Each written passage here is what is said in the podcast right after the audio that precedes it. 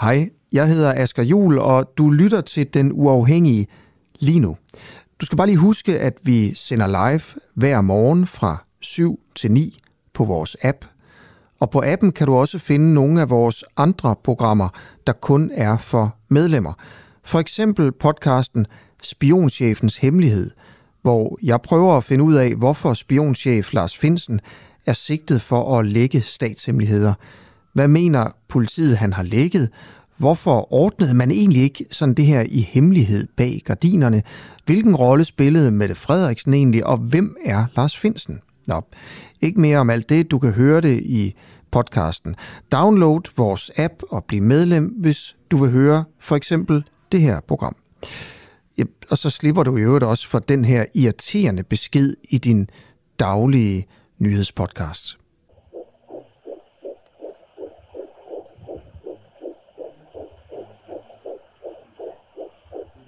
Oh. Ja, det vi hører her er jo hjertelyden fra et øh, 11 uger gammelt foster. Åh, oh, nu forsvandt det, det er jeg ked af. Så kom den der. Og øh, mens vi hører til det lille bankende hjerte, så vil jeg godt byde velkommen til, til dig, Ellen Højlund Vibe. Er du der? Ja, det er jeg. Tak. Tak, og tak fordi du står op så tidligt for at tale med mig. Ja, det må jeg nok sige. Ja, jeg, øh, jeg ved ikke, hvem der har fundet på det, men jeg er meget glad for, at du er her, fordi at øh, du er formand, eller for, landsekretær, undskyld, for retten til liv. Ja, Øh, yes. Og det vi hører her er jo et, øh, en hjertelyd, kan være, vi lige skal sige tak, mm. øh, fra et ganske ungt foster på 11 uger, har jeg fået opgivet. Og grund til, at vi hører det, er jo, at man nede i Ungarn nu, hvis man vil have en abort, øh, skal høre øh, det, der hedder vitale funktioner, øh, hvis man har besluttet sig for at abortere sit, øh, sit barn. Øh, og lægen skal så også attestere, at, at man har hørt hjertelyden fra det barn, som... Hvad synes du om den praksis? Er det en god idé? Det synes jeg bestemt, fordi det er, jo, det er jo med til at bestyrke bevidstheden om, at det ikke bare er af noget, man fjerner derinde, men det faktisk er nogen. Det er et lille, bitte selvstændigt menneskeliv med sit eget bankende hjerte. Så jeg synes, det er bestemt et skridt i den rigtige retning, ja. Og synes du, det ville være en god idé, hvis vi gjorde det samme i Danmark? Som mænd, ja. Ja. Helt klart. Det vil også igen være et skridt i den rigtige retning. Og er det fordi, at du tror, at hvis man hører det her, så vil man øh, være mere tilbøjelig til at fortryde den abort, man er ved at få foretaget? Ja, det tror jeg for det første.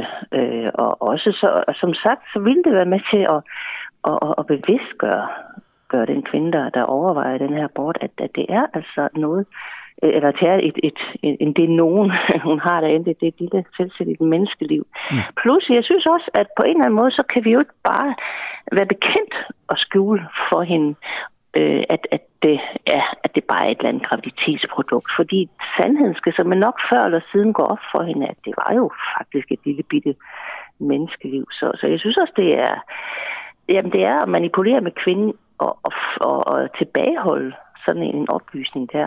Men tror du ikke, de fleste kvinder er klar over, at det er et liv, der er derinde? Jo, det tror jeg, du har ret i. Øh, det tror jeg faktisk, de er dybt i der, om ikke andet så dybt i deres instinkter. Mm. Øh, men, men, men altså, men på den her måde, ja, så tydeliggøres det virkelig, og, øh, og ja, ja, jeg kan kun hilse det velkommen, at man, man på den måde også forsøger at redde det lille menneskeliv, som jo har sin egen selvstændige værdi, sin egen ret til livet. Ja, og som, som moren jo også har, men, men der har fosteret ja. lidt mere ret, eller hvad? Nej, de har samme ret, de har samme værdi, og det har med samme ret til livet, fuldstændig på, på samme vilkår. De er, vi er alle sammen en del af den samme menneskelige familie, hvad enten man er født eller ufødt. Mm. Vil det være, kunne man supplere det med hjertelyden med andet som bevidstgørelsesmetoder øh, til, at, altså til at, øh, at gøre kvinderne mere klar over, hvad det er, de er ved at gøre eller har gjort? Mm. Øhm, jamen altså, man kunne jo fortælle hende, øh, hvor, hvor langt i udviklingen barnet er. Mm. Altså alt efter, hvor langt hun er henne. Altså allerede fra 8. uge, så er alle indre organer anlagt, og, og arme, ben og så videre er dannet. Øhm, så, så man kunne ligesom ja, bevidstkøre hende om, omkring det. Øhm. Ville det være en god idé, at man eventuelt så fosteret, efter man havde aborteret? Nej, så det, det vil jo på en måde, det vil jo være at, at strø salt i, i et sår, som sikkert er der for rigtig, rigtig mange kvinders vedkommende, tror jeg. Øh, så så øh, ja, når, når sket er sket, så er det jo sådan, det er. Ja. Jeg tænker, det, det her det er alt sammen noget, der skal foregå, inden hun har taget beslutningen. Jamen, jeg tænker sådan præventivt til næste gang hun, altså, jeg kan forstå også, at mange mener, at aborter er så talrige, fordi at, at nogle kvinder bruger det som prævention. Mm. Så, så kunne man jo forhindre ja. Yderligere graviditeter, hvis man fik lejlighed til at se, hvad man havde gjort. Ja, men der kan man så sige, hvis, hvis man har den her, de her oplysninger, inden hun får foretaget en abort, så har hun jo også det siddende inde på nettet. Men, men det, problem, det problematiske er så, at i et øjeblik, hvor hun så alligevel foretager aborten, mm. får foretaget aborten, så er det jo på en måde også, øh, så, så, så er det jo ekstra kynisk, det hun, det hun så måtte bestemme sig, altså at, at, at hun så får den der abort, ikke fordi jeg siger, at kvinder, der får foretaget en abort, er kyniske. Nej. Men situationen bliver øh, på en måde mere kynisk. Så det kan jo også godt være med til at ja, fremme en form for kynisme omkring det her med abort. Jamen, jeg tænker på... I det øjeblik, ja. Ja, jeg tænker, ja, i det øjeblik, hvis... hvor man altså på trods af, hvad man har hørt og eventuelt set, for foretaget aborten. Men jeg tænker, kan, man... kan skabe en forrådelse ind i kvinden måske også i virkeligheden. Jo, jo, men hvis man lavede sådan en, en, en, en ordning, hvor man først hører hjertelyden, hvis man så insisterede på at gennemføre aborten, så kunne man så få lejlighed til at, til at sidde, sidde lidt med det foster, man havde aborteret bagefter, for at tænke over tingene. Mm-hmm. Altså, det sker jo for dem, der får en senabort, at det, altså, hvis de er sent henne, at de kan få lov til at, at, at tage afsked med det. Og det er jo også på en eller anden måde en, for mig at se en underlig, grotesk situation, at det barn, de havde besluttet sig for at tage livet af, så, så sidder de der og tager afsked med det og sørger sandsynligvis over tabet af det liv, der ikke skulle være alligevel, men der er et eller andet i det, som, som strider i alle øh, altså helt modsatrettede retninger. Så det er svært for dig at se kvinder, som, som terminerer graviditeter som andet end folk, der slår ihjel?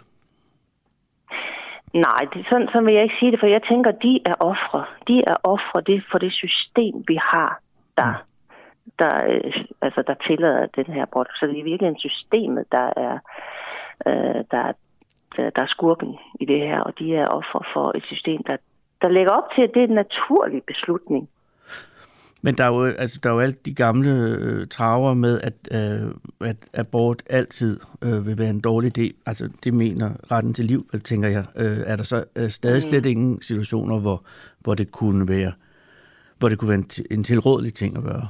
At sige, at vi gennemfører den her graviditet?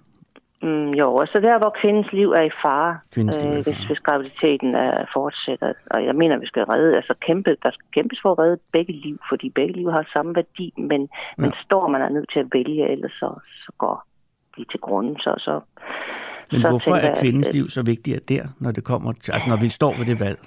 Fordi det lille, ja. det lille liv har da slet ikke gjort noget. Nej, nej, jamen altså, det, øh, det kan du sige, men, men jeg tænker, det er sådan en nødretstilstand. Mm. Og, og, øh, og, og er man nødt til at vælge, ja. øh, så, ja, så kan du sige, hvorfor så ikke have barnets liv frem for hendes liv? Men der indgår hun jo allerede i sociale sammenhæng og så videre med andre, med andre mennesker, så, så der, jo, der kan jeg sagtens argumentere for, at, at barnet slet ikke har fået chancen. Ja, men det kunne man godt. Øh, så, så, men, men, og der, der er vel også vel nogle kvinder, der siger, jeg skal bare redde mit barn, jeg skal bare redde mit barn. Det har jeg mødt kvinder, der siger. Mm. Øhm, men... Det må jo så være hendes beslutning, hvis det er sådan, det skal være. Men, men... men ofte vil det jo så også være sådan, at barnet ikke kan overleve uden hende. Så, så, så der, det er nærmest kun hendes liv, der kan reddes i sådan en, en situation. Ah, så det er på den måde, altså hvis vi har på et tidspunkt i graviditeten, hvor barnet ikke er levedygtigt selv, hvor morens liv er i fare, så siger man, fint, vi tager barnet. Men hvis vi har en situation, hvor barnet er levedygtigt, og kvindens liv øh, kommer i fare, så tager man barnet. Eller så Nej, lader man altså, barnet leve, eller hvad synes I? Jamen, øh, der, der, vi synes jo, altså, der skal kæmpes for at redde begge liv. Ja, det er med på, hvad jeg tænker på. Hvis, hvis valget er der, så er der jo, så, er der jo, altså, så, så står man jo med, med, med et grumt valg, hvis man siger, at øh, ja. jamen, så, må, så, må barnet, så må barnet dø. Mm, ja, men, men, men altså igen, hvis, ja, for at hun kan leve, det er det, der, det, Ja. det der altså det der, hvis, hvis, så fordi siger hvis, man jo også lidt, at hun barnet bedre. overlever, så går hun til grunden. Ja. Ja, men det er jo sådan en pragmatisk situation, hvor man også, altså hvor, hvor der så også i den, den helt specifikke og, og heldigvis sjældne situation også Ja. må være det hensyn, der spiller ind netop, at, at hun har mennesker omkring sig, der elsker hende og, og er i, er i, altså, ja, så hun indgår i fællesskaber med. ja. Det, det er et indviklet spørgsmål. Øh, og, Mm, ja, det er det. Men, men, men øh, vi skal jo til at runde af. Jeg vil bare lige høre om øh, altså, den ungarske idé, at, er du glad for, og kunne godt se den indført i Danmark. Ja, Og, og, og, og, og eventuelt også suppleret med, med andre sådan bevidsthedsudvidende tiltag over for møder, der er ved at og ja. Ja, i, ja, i Tyskland har de også sådan en model, hvor, hvor kvinden ligesom inden hun, får fort, øh, inden hun kan få en abort, skal forholde sig til både, at der er et, et lille menneskeliv derinde, og, mm. og så skal også blive oplyst om al den hjælp, der er at få i den situation osv. Så, videre. så også sådan nogle tiltag der vil jeg hilse meget velkommen. Okay. Tak fordi jeg måtte ringe til dig, Ellen, og have en god dag. Ja, tak lige måde. Farvel. Farvel. Velkommen, kære lytter, til øh, Den Uafhængige Morgen. Jeg hedder Anders Lund Madsen, og vi er jo lige startet hårdt ud, kan man sige, øh, men også forhåbentlig øh, er der stadig lyttere med. Det er jo, øh, det er jo fordi, at man i Ungarn jo nu skal til at, at høre hjertelyden fra barnet, øh, før man øh, siger ja til at fortsætte. Og øh, det kan virke øh, kynisk, og, og det kan virke som en god idé det er nok ikke en debat, der bliver afgjort i dag heller. Øh, hvem er vigtigst? Øh, det voksne menneske, det lille barn? Er det et ødelagt voksenliv eller et ødelagt barneliv? Der er ikke nogen lykkelige forklaringer, men det er noget, der kan hisse folk meget op. Og det er der selvfølgelig også en god grund til, fordi det handler om, om, om små børn. Det er altid noget med små børn. Men liv er interessant, fordi der er jo, der er jo liv i alt muligt. Jeg sidder her i øh, Nordvestkvarteret i København, i Tisangade, og kigger i noget, der ligner en byggeplads, fordi at den uafhængige har et øh, midlertidigt studie, og herinde står en, jeg kan forstå, der har været en moské her før, og der står en yucca-palme, som jeg godt kan forstå, eller kan forestille mig, er en, som de har fået overleveret fra de tidligere ejere, eller lejere. Øh, den ser lidt træt ud. Det gør yucca-palmer sådan set principielt lige fra det dag, det bliver øh, solgt i brusen. Men der er jo også liv i den yucca-palme, øh, og har den mere eller mindre ret til at være her, end jeg har. Det kan man ikke afgøre, medmindre man er psykopat. Øh, jeg havde på et tidspunkt øh, tidligt i februar i år øh, den store glæde at være med i et fjernsynsprogram, øh, hvor jeg skulle være inde i en panda, og det kunne godt være en lidt mærkelig oplevelse. Og så på vej derhen en dag til at være inde i pandaen, der så jeg en lille, øh, et mind, et lille, et lille plante, som var sådan en lille pengetræ. Den tog jeg til, der var de ved at dø, og den har jeg så fået til at leve op igen, og øh, er den mindre vigtig end mig. Jeg sidder her og ævler. Øh, jeg skal lave et øh, radioprogram, som andre venlige mennesker har tilrettelagt for mig, og jeg er meget, meget glad for at øh, få den her lejlighed, og jeg skal gøre det mit allerbedste. Jeg er uddannet journalist, skal jeg skynde mig at sige. Øh, og øh, hvis det her kører skævt på nogen måde, så vil jeg bede om at klage, så skal jeg sørge for, at de sender klagerne videre. Men nu sidder jeg her og ævler, mens at der sidder en venligt menneske og venter, som også har lavet sig ringe op her tidligt på morgenen, Hanne Kronborg, fra partiet Kronborg, øh, som skal øh, redegøre for Kronborgs politik. Og det er jo øh, i forbindelse med den serie af partipræsentationer, som nu afhængig i morgen kører. Vi har allerede hørt fra Jan, Gils, Jan Gilsborg, ham med magnettogene, øh, blandt andet, blandt meget andet, over Kattegat. Og i dag er det altså partiet Kronborg. Hanne Kronborg, velkommen. Ja, tak for det. Ah, og undskyld, du måtte sidde og hænge. Det er, fordi jeg er dårlig til det her. Altså også til det her. Men Hanne, tak for din tålmodighed. Jamen, det var så lidt. Jeg er heller ikke rutineret i det. Åh, oh, øh, gudskelov. Ja. Men, men, men, men du er partiejer, og det synes jeg er... Øh, altså allerede der er jeg imponeret. Åh, okay. Men ja. når jo, men jeg tænker, du har jo... Øh, at- jeg, jeg var lidt øh, desorienteret med hensyn til navnet Partiet Kronborg, for jeg tænkte, er det noget med Helsingør? Men så forstår det jo hele meget bedre, når, når du hedder Hanne Kronborg. Det kan jeg så også ud af det aflede, at, at du har grundlagt partiet, eller hvordan er det? ja, altså, jeg har grundlagt partiet, og, øh, og så i forhold til navnet Kronborg, der øh, tænker jeg jo primært meget på Holger Danske. Ja. Øh, jeg tænker, det er det, de fleste tænker på, når man siger Kronborg. Det er i hvert fald flere, der tænker på Olga Danske, end der tænker på mig som person umiddelbart. Øhm, Det har du nok ret i. Indtil videre, Hanne. Indtil videre. Ja, altså fordi jeg er relativt ukendt i hvert fald. Øh, og så kan man sige, at det er jo egentlig også hensigten, men jeg har jo den fordel, at jeg altid kan huske partinavnet og, Ah, og stave det rigtigt. Og det, det, det er altid en god start. Men kom øh, ideen til navnet, eller ideen til partiet først? Øhm, altså, ideen øh, til partiet kom først, eller der var faktisk, øh, jeg følte et behov for øh, partiet, og, øh, og så er jeg meget dårlig til at finde på navne, øhm, så der, derfor så tænkte jeg, Holger Danske, det kan man ikke kalde det, men så kan man jo bare kalde det Kronborg. Det Mm. lå ligesom lige for. Så det er altså ikke nogen øh, stor videnskab, der har været bag der. Nej, nej, men nogle gange er den første idé den bedste. Ja, lige præcis. Så det var lige for næsetippen på mig, så jeg tænkte, det snupper jeg. Ja, og, og hvad er din baggrund? Øh, Ja, men altså min baggrund er egentlig, at jeg kommer fra, øh, fra øh, det pulveriserende erhvervsliv. Mm. Øh, jeg er blandt andet uddannet procesteknolog øh, inden for fødevareindustrien, ja. øh, og har arbejdet som øh, faglærer i mange år. Øh, blandt andet øh, undervist i øh, Grønland og øh, underviser i Danmark nu. Og så øh, har jeg også arbejdet med øh, overskudsvarmeprojekter i industrien med reduktion af, af CO2. Øh, så det er sådan det er en meget, meget, meget adsidig øh, u- øh, virke, kan man sige.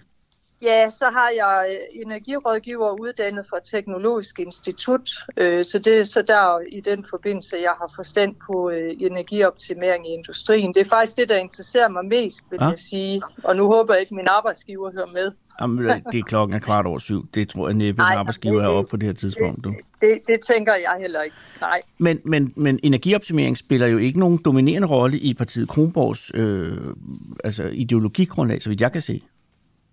Nej, altså jeg har, øh, jeg har taget lidt omkring øh, miljø med Ah. øh, lige i første omgang. Det er fordi, jeg går meget op i, at man øh, skal passe på sit øh, grundvand, fordi det Ja. tager jo øh, mange år, øh, øh, altså før at vandet det ligesom løber ned igennem jordlægen og kommer op i vandhanen igen.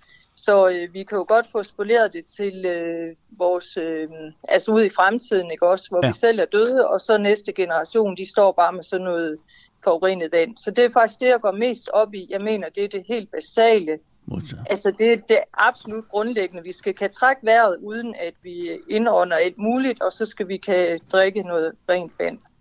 Øhm, men når jeg har lavet nogle øh, opslag og live omkring det der med øh, energi- og CO2-reduktion, Ja. der er simpelthen ikke nogen, der har givet læse det. Nej, og, og, Altså- og det er jo det, der er øh, det forbandede, når man, når, man, når man ved noget om noget. Så er man Ja. tilbøjelig til at, at, at blive lidt indviklet, og så falder Ja. øh, lægmand fra. Ja, og derfor så har jeg simpelthen lagt det lidt på hylden. Altså, Mm. Det er jeg ked af at Øh, høre, og øh, fordi det lyder som noget, øh, som du har indsigt i, og som kunne være dejligt med en stemme omkring. Øh, ja, Men Hanne, der har Jeg været... skal- Ja, Ja, altså her den øh, 5. i 10. Der deltager, jeg, der deltager jeg faktisk i øh, Dansk Energis øh, hus i København til øh, den der energi øh, konference. Jeg kan ikke lige huske, hvad den hedder lige på stående fod. Mm-mm. Altså dagen efter, øh, øh, hvad hedder det, Folketinget øh, træder sammen igen. Ja, ja der, der er sådan en stor konference i, øh, i København, øh, hvor jeg deltager. Og det er jo så med de her briller på, fordi det interesserer mig jo stadigvæk. godt. Men der går jeg jo sammen med nørder den dag. Ja, ja, men øh, og, Ja. og, og sørg for at holde den aftale, Hanne. Ja, lige Men præcis. Jamen, øh, Men der har været mere slag over øh, Kronborgs øh, idé om at forbyde islam inden 2031. ja, altså det er jo sådan set det Altså, den er der primære flere, der har læst, kan man sige. Ja, den er der flere, der har læst. Den er sådan lidt mere, øh, altså øh, meget kort fortalt, så startede det jo faktisk kun for to år siden, at jeg øh, begyndte at interessere mig øh, for politik. I, Øh. Under pandemien, tænker jeg. Ja, nej, så har det egentlig været, nej, det er tilbage sidst i 2019. Det er Ah, okay. så Lige et før. år før Ja, pandemien. modtaget. Ja. ja, og det er jo fordi, jeg kommer tilbage efter mange år i Grønland, og så synes jeg, at Danmark er lidt forandret og oplever noget chikane imod mig selv og min familie inde på en restaurant i Danmark. Og at så starter det egentlig der. Ja, det, det, er, det er træls, men Men det er der, i, ideen om, øh, om partiet Kronborg, Kronborg øh, grundlægges egentlig. Ja, altså ikke på det tidspunkt. Jeg Ah. startede egentlig med at kigge imod stram kurs, øh, fordi at Ja. vi har jo en Paludan, der står og råber op øh, om noget, og Han så råber tænker meget. jeg, jeg kan vide, ja, altså så, så, så tænker jeg, jeg kan vide, om han kan redde hele verden. Mm. Og øh, altså, det går så op for mig, at med min vurdering, at, at det kan han ikke. Nå. Og øh, så øh, træder jeg ligesom et skridt tilbage derfra igen, og øh, så laver jeg faktisk selv et øh, borgerforslag, der hedder, islam bør forbydes i Danmark. Og til min store forbavselse, og det er faktisk stadigvæk rystet over, så bliver borgerforslaget afvist af Folketingets administration. Ah. Og de skriver, fordi det ikke holder sig inden for regler for borgerforslag. Ja, det er noget, om det skal følge loven nu. Altså, Ja, og, der, altså, og så sidder jeg jo med det her borgerforslag og tænker, nu kan det jo ikke engang blive drøftet i Ah, Folketinget. Nej, og så tænker du, jeg laver et parti. Ja, så Ja. tænker jeg nemlig lige præcis, så laver jeg et parti, og det er faktisk helt lavpraktisk, sådan at det er foregået. Ja, jamen, det er jo Øh. også, hvis man har noget, øh, lavet et parti. Jeg har selv lavet et parti, det er så Ja. mange år siden, og det gik ikke, jeg vil ikke øh, underholde dig med, for det gik dårligt. Men, men og jeg kan sige til dig, at der er meget arbejde, og det er også ikke alt sammen særligt sjovt. Og det allermest smertelige er indsamling af vælgererklæringer. Og der kan jeg se, Ja. I er oppe på 144 nu. Det er jo ikke prangende. Altså, det, det er ikke prangende, og vi har faktisk været oppe på knap 200, men den Ah. dag Inger Støjberg, hun øh, begyndte at indsamle, der gik der en uge øh, efter, så mistede vi faktisk Ja. øh, ned til de 144. Og det er jo sådan en lille smule, vi har jo erkendt, at vi når ikke på de 11 måneder, vi har tilbage, hvor vi må indsamle i det her navn, der når vi jo ikke at få over 20.000 Nej, fordi der, er, der er jo et stykke vej, og I mangler jo øh, 18.000. Øh, øh, Ja, ja. 18.000. Jamen altså, og Godt og vel. Det er, vi er jo i den 18.800. situation, vi arbejder øh, 39, alle sammen, 36. og vi har ikke tid til at løbe Nej. Rundt på gaden og spørge herre og fru Jensen om... Øh, Nej, og det er jo det, der er det forbandede øh, i, i, for et lille parti. Men jeg skal spørge dig, Hanne, hvorfor lige 2031? Hvorfor er det der, at islam skal være forbudt senest år 2031? Er der, Ja, sker der er- noget der? Nej, ikke specielt, men det var noget, jeg besluttede for et år siden. Og så kan man sige, Ah, at... i 21, så siger du om 10 år. Ja, så siger Yes. jeg om 10 år, og så siger jeg, okay, hvis det bare er ud i den blå luft, Mm. øh, vi er nødt til at have et eller andet sådan lidt psykologisk, folk tænker over. Ah, så du siger, Ja, hvis man siger, at det er faktisk- forbudt øh, 4. april næste år, så siger folk, shit, det når vi ikke. Og så Ja. siger vi, giver dem 10 år, så har man den her øh, vegetation, altså hvor man lige kan tænke, fint, okay, det, Ja. det er så det der. Og der er faktisk sket det, at, øh, øh, at der er mange, der skriver, at det skal der være før. Det er alt for sent. Mm. Og det var faktisk også de tanker, jeg ville have folk til. Jeg vil have folk til at debattere det her. Ah, Og okay. det var også derfor, jeg lavede borgerforslaget. Ja, og det måtte du så ikke. Øh, men det vil sige, at de 2031 er ikke mejslet i sten for Kronborgs vedkommende. Det kan godt, øh, altså, man kan godt strække den i en eller den anden retning, alt efter hvad, Ja, hvad partiet. ja Okay. Og, det, er det, det, kan, det kan man. Ja. og, og der er jo trosfrihed i, i Danmark ifølge grundloven. Øh, Og, og er det noget problem i forhold til, til et eventuelt forbud?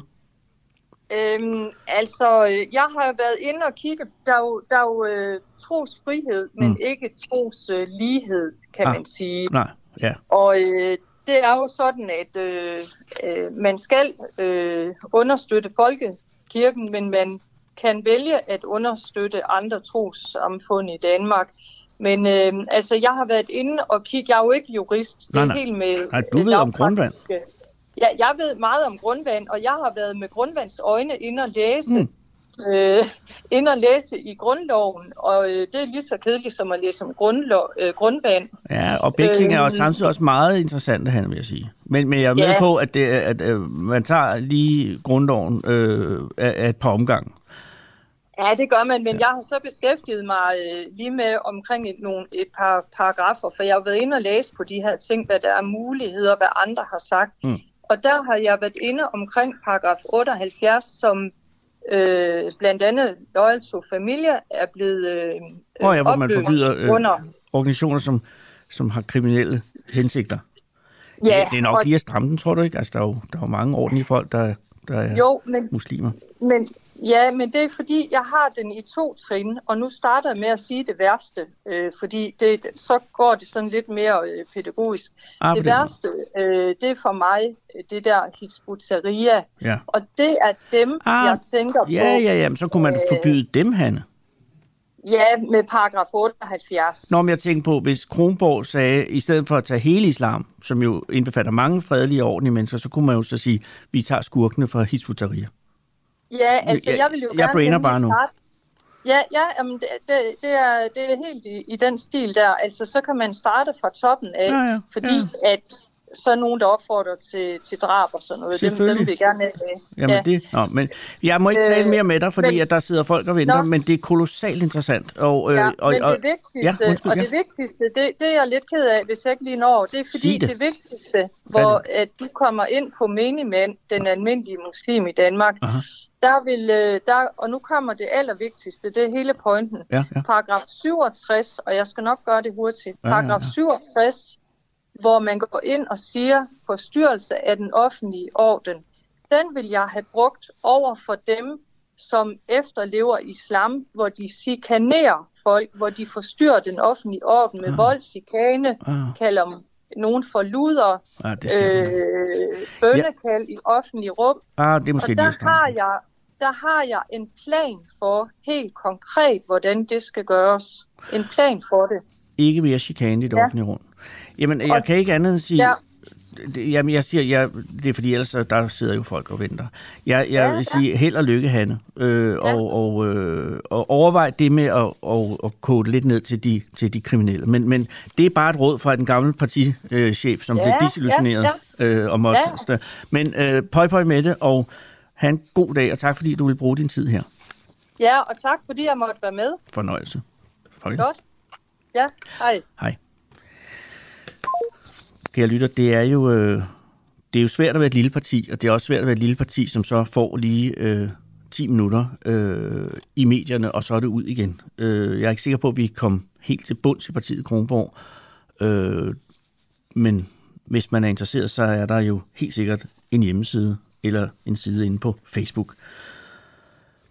Det er svært at få opmærksomhed, fordi der er så meget, øh, nu prøver jeg at lave en overgang til det næste, der er så meget derude, og der er så mange, der kalder på den opmærksomhed, og lige nu taler vi lidt om Ukraine igen, fordi at Ukraine rører på sig i Ukraine, så ellers havde der været lidt stille, så kommer der nok et valg, vi kan snakke om, og lige for lidt siden var der noget med sadomasochisme i Forsvars efterretningstjeneste, så øh, opmærksomheden er en øh, lille grim dyr, som er svært at holde, holde styr på, og i det spil kan der være nogen, der taber, øh, blandt andet hvis de lever et sted, hvor man bliver træt af bare at høre navnet.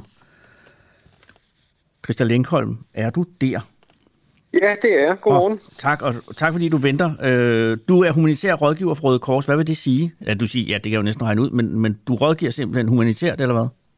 Ja, jeg er sådan en slags øh, nødhjælpsekspert, øh, kan, kan man kalde det, med øh, lige nu rigtig meget fokus på, på fødevaresikkerheden i, i Afrika. Og, og, og, og, og det vil sige, at du sidder og har øh, overblikket over øh, kriserne lige nu, pt. på verdensplan, eller, eller har du... Ja, det er, ja jeg, lige nu er, det mest fokus på, på Afrika. Jeg har jo selvfølgelig nogle kollegaer, som, som følger situationen i, i andre lande også, men, men så vi er et team, der, der forsøger at holde overblikket her. Okay, og øh, der er ballade i Afrika igen? Eller hvad? Det er der, ja. ja. Det er Somalia, og det er børn, der dør. Hvad, Ja. hvad, er, hvad er baggrunden for den humanitære øh, ulykke, vi ikke er vidne til lige nu? Ja, situationen det er, at vi nu er øh, fire sæsoner øh, i, i Somalia, hvor der ikke er kommet noget regn, altså fire regnsæsoner. Ja. Øh, og det svarer cirka to år uden, øh, uden nogen regn af betydning. Øh, og, og det er en befolkning, som næsten er 100% afhængig af, hvad, ligesom, hvad de selv kan dyrke øh, og, og kvæghold. Mm. Øh, så så man, man ser nu, at, at øh, kvæne, de, øh, altså køer og kameler osv., de simpelthen dør af både tørst og, og øh, mangel på mad, og, og landbruget, det kan jo slet ikke fungere, når det ikke får noget regn. Så, så en, en situation, hvor ja, landet står på, på, på randen af kollaps, kan man sige, og, og en, omkring 7,5 millioner mennesker i landet er fuldstændig afhængige af, af nødhjælp udefra. Det er cirka 50 procent af befolkningen øh, som, som har brug for hjælp for at overleve. Og det er, så det er en, en langsom øh, katastrofe. Øh, kalder man det en katastrofe? Er det en katastrofe? Ja, det, det kalder man helt klart det er en, en katastrofe. katastrofe. Ja. En langsom ja. katastrofe, som har akkumuleret over fire år. Ja, jeg er to år, kan man sige. Fire regnsæsoner. Men, okay, men Nå, ja. ja, det er to af per år. Øh, to sæsoner per år. Og årsagen til, at det her ikke er i den øh, vestlige europæiske bevidsthed lige nu, er fordi, at det ligesom vander lidt ud ind i hovedet, når man hører Somalia og, og tørke og, og noget med, med børn. Hvorfor tror du, at det er sådan? Ja, jeg, jeg synes, det, det er egentlig vanskeligt. Altså, der, der, sker mange, der sker mange ting i, rundt omkring i verden, ja. og, og selvfølgelig ikke mindst Ukraine. Uh, vi ser også oversvømmelser, med sige oversvømmelser i Pakistan, hvor, ja. hvor, hvor, vi, hvor vi også hjælper. Uh, så, så jeg kan jo kun gisne om, hvad der, hvad der lige fanger øh, medierne, og hvad der fanger opmærksomheden, men jo bare konstatere, at, at, at sult i Afrika, det ser ikke ud til at, at, at skabe så meget opmærksomhed i hvert fald. Men sådan har det jo altid været, eller hvad? Nej, det synes jeg, øh, det synes jeg egentlig ikke, man kan sige. Jeg, okay. jeg kan huske den, den seneste rigtig, rigtig store krise, også i Somalia og, og for Afrikas Horn for cirka 10 år siden. Ja. Øh, det virker som, der var lidt mere plads i, i, i mediebilledet til, øh, til, til at fortælle lidt mere om den krise. Øh, men, men det ser ikke ud til at være tilfældet lige nu i hvert fald. Men en halv million øh, børn sulter lige nu, og det er børn øh, i den helt unge alder, så hvis ikke de får mad nok, så vil sige, deres kroppe, deres hjerne bliver ikke udviklet nok, og det vil sige, at den her katastrofe trækker så spor i hvert fald en generation videre ud, fordi de så ikke er i stand til at, at få orden i liv. Er, er det ikke sådan, der? Jo, ja, lige præcis. Det, øh, det, det koster børnene, altså dem, der overlever, det koster på den lange bane også, som du siger, at, mm. at de, bliver ikke, de bliver ikke udviklet ordentligt øh, som, som børn, desværre, og selvfølgelig deres sådan, selve, udover, udover hjernen, så selv hele kroppen og deres immunforsvar øh, kan også tage skade på længere sigt, når man ikke får, får, får mad nok i, øh, ja, i de helt første år. Og så er det her jo det, man kan kalde klassisk nødhjælp, ikke? altså med at sørge for at få disse børn øh, til at få protein nok hver dag til, at de kan øh, leve videre. Ja, altså helt, helt klassisk nødhjælp, det kan du godt kalde det. Mm. Det, som måske ikke er så helt klassisk, det er, at, at vi i senere år er begyndt at uddele penge øh, i, stedet for, i stedet for direkte fødevarer, så folk selv kan købe det, de har, har brug for. Øh, selvfølgelig, hvis der er et marked, man kan købe noget på, det ja. undersøger vi først. Men, så på den måde er det ikke, er det ikke helt det så vanlige. Vi har fundet nye, mere effektive metoder, så vi kan nå ud til flere ja. øh, hurtigere og, og mere effektivt. Men det er, altså jeg, øh, min bror og jeg, øh, min bror hedder Peter, vi vandt en gang en million i Hvem vil være millionær, og der skulle vi så give dem til Folkekirkens Nødhjælp, det havde vi valgt at gøre, og øh, så ville de så lige vise, hvordan de penge ville blive brugt, og det her det er jo 20 år siden, altså, men, men der endte de penge i øh, det sydlige, øh, øh, nede ved Bulawayo, nu kan jeg ikke huske, det er da også pinligt. Ja, jeg tror, det, jeg tror, de endte i Zimbabwe. Så det er rigtigt, tak skal du have. Zimbabwe, ja. øh, hvor der var en, en, en sultsituation på grund af, øh, hvad hed den gamle diktator i Zimbabwe. Det er også øh, fuldstændig underordnet, for han er her ikke længere. Mugabe, ja. Mugabe, han sad der rigtig længe. Nå, men, øh, så var der ballade ned i syd, og så øh, udsultede han øh, befolkningen, og så var det her, at øh, Folkens Nødhjælp meget klassisk øh, købte majs, beriget øh, majsmel i Sydafrika, så vidt jeg husker, og så kørte de det ind i det sydlige øh, Zimbabwe og fik øh, givet mad til nogle børn. Og der var vi så nede og se det her, og det var jo på sin vis meget rørende, men det var også meget øh, fortvivlende, fordi den million betød jo så, jeg tror, at det var omkring 20.000 børn kunne få mad i 6 måneder, eller lad os sige det. Men de havde i hvert fald mm. en udstrækning, og efter det så var de penge jo væk, og så fik de børn jo ikke mad, og de var jo også søde at køre os ud til et sted, hvor nødhjælpen ikke rakte. Øh, og fordi der er jo altid øh, ende på pengene. Så, altså en million er jo en ting, og så 10 millioner en anden ting. Men der er jo altid... Mm. Øh, og, så, og så stopper det igen. Er det ikke, øh, er det ikke øh, nedslående at vide, at, at, øh, at I holder at, I, eller at Røde Kors holder liv i de her mennesker, men, men, øh, men i det øjeblik, at I trækker ud, så vil situationen falde sammen igen? Jeg vil sige, det er jo, det er jo aldrig nedslående at, at kunne være i stand til at redde liv, vil jeg Nej. sige. Det, det, det er tværtimod opløftende, vil jeg, jeg sige. med på, men man ved bare, at det øh, øjeblik, man tager hjem, ja. så, så, så sejler og, så og det. Er jo ikke, det. det er jo ikke sådan, vi, vi, vi bare siger lige pludselig, Nå, nu, nu er pengekassen tom, øh, nu tager, nu tager vi hjem igen, selvom I, I stadig har behov. Altså, mm. vi, vi, følger, vi følger folk og hjælper dem, så længe der er et behov, øh, et, et akut behov. Øh, og så prøver vi også at sætte ind med mere langsigtet hjælp, så de, øh, de, de skal kunne klare sig selv på, øh, på, på længere sigt. Ja. Men... Øh, og det er, jo også, det er jo også vigtigt, fordi vi skal jo ikke, vi skal jo ikke give nødhjælp øh, for evigt. Det er jo det, der er meningen. Nej, det er jeg med på. Men jeg tænker bare, at klimasituationen vil jo næppe øh, forbedre sig dramatisk i de næste 10-20 år. Øh, så, så det her er jo i hvert fald en situation, hvor man godt ligesom, man kan lige så godt købe et par hus dernede, og, fordi I kommer til at være der et stykke tid. ja, og vi har også, vi har også været der i mange år. Ja. Vil jeg så sige, der har jo også været kriser siden, nu fortalte jeg om, om den forrige, forrige ja. krise for 10 år siden, der har været mellemliggende kriser, hvor, hvor folk har rent faktisk formået at klare sig. Altså, vi, der er blevet opbygget modstandskraft i samfundet over, over en årrække. Det her det er bare så ekstremt, det der sker nu, at, at selv, selv den bedste modstandskraft, selv hvis det var i Danmark, hvis der kom tørke i to år, mm. så ville vi jo trods alt heller ikke, heller ikke kunne klare sig selv. Så, så altså, vi, vi, vi sætter ind med langsigtet hjælp, og, og, og der er jo ting, man kan gøre. Man kan, man kan, man kan blive bedre øh, til at opsamle vand, for eksempel når det nu regner. Øh, og man kan blive bedre til at, at bruge tørke, tørkeresistente afgrøder, for eksempel, eller tørkeresistente øh, såsæd. Ja. Øh, det kommer aldrig til 100% at forberede folk på en, en periode, hvor der bare ikke kommer noget regn i to år. Øh, men det regner vi trods alt ikke med, at det, at det bliver normalen. Øh, fremadrettet. Hvornår er næste øh, regnsæson, Christian?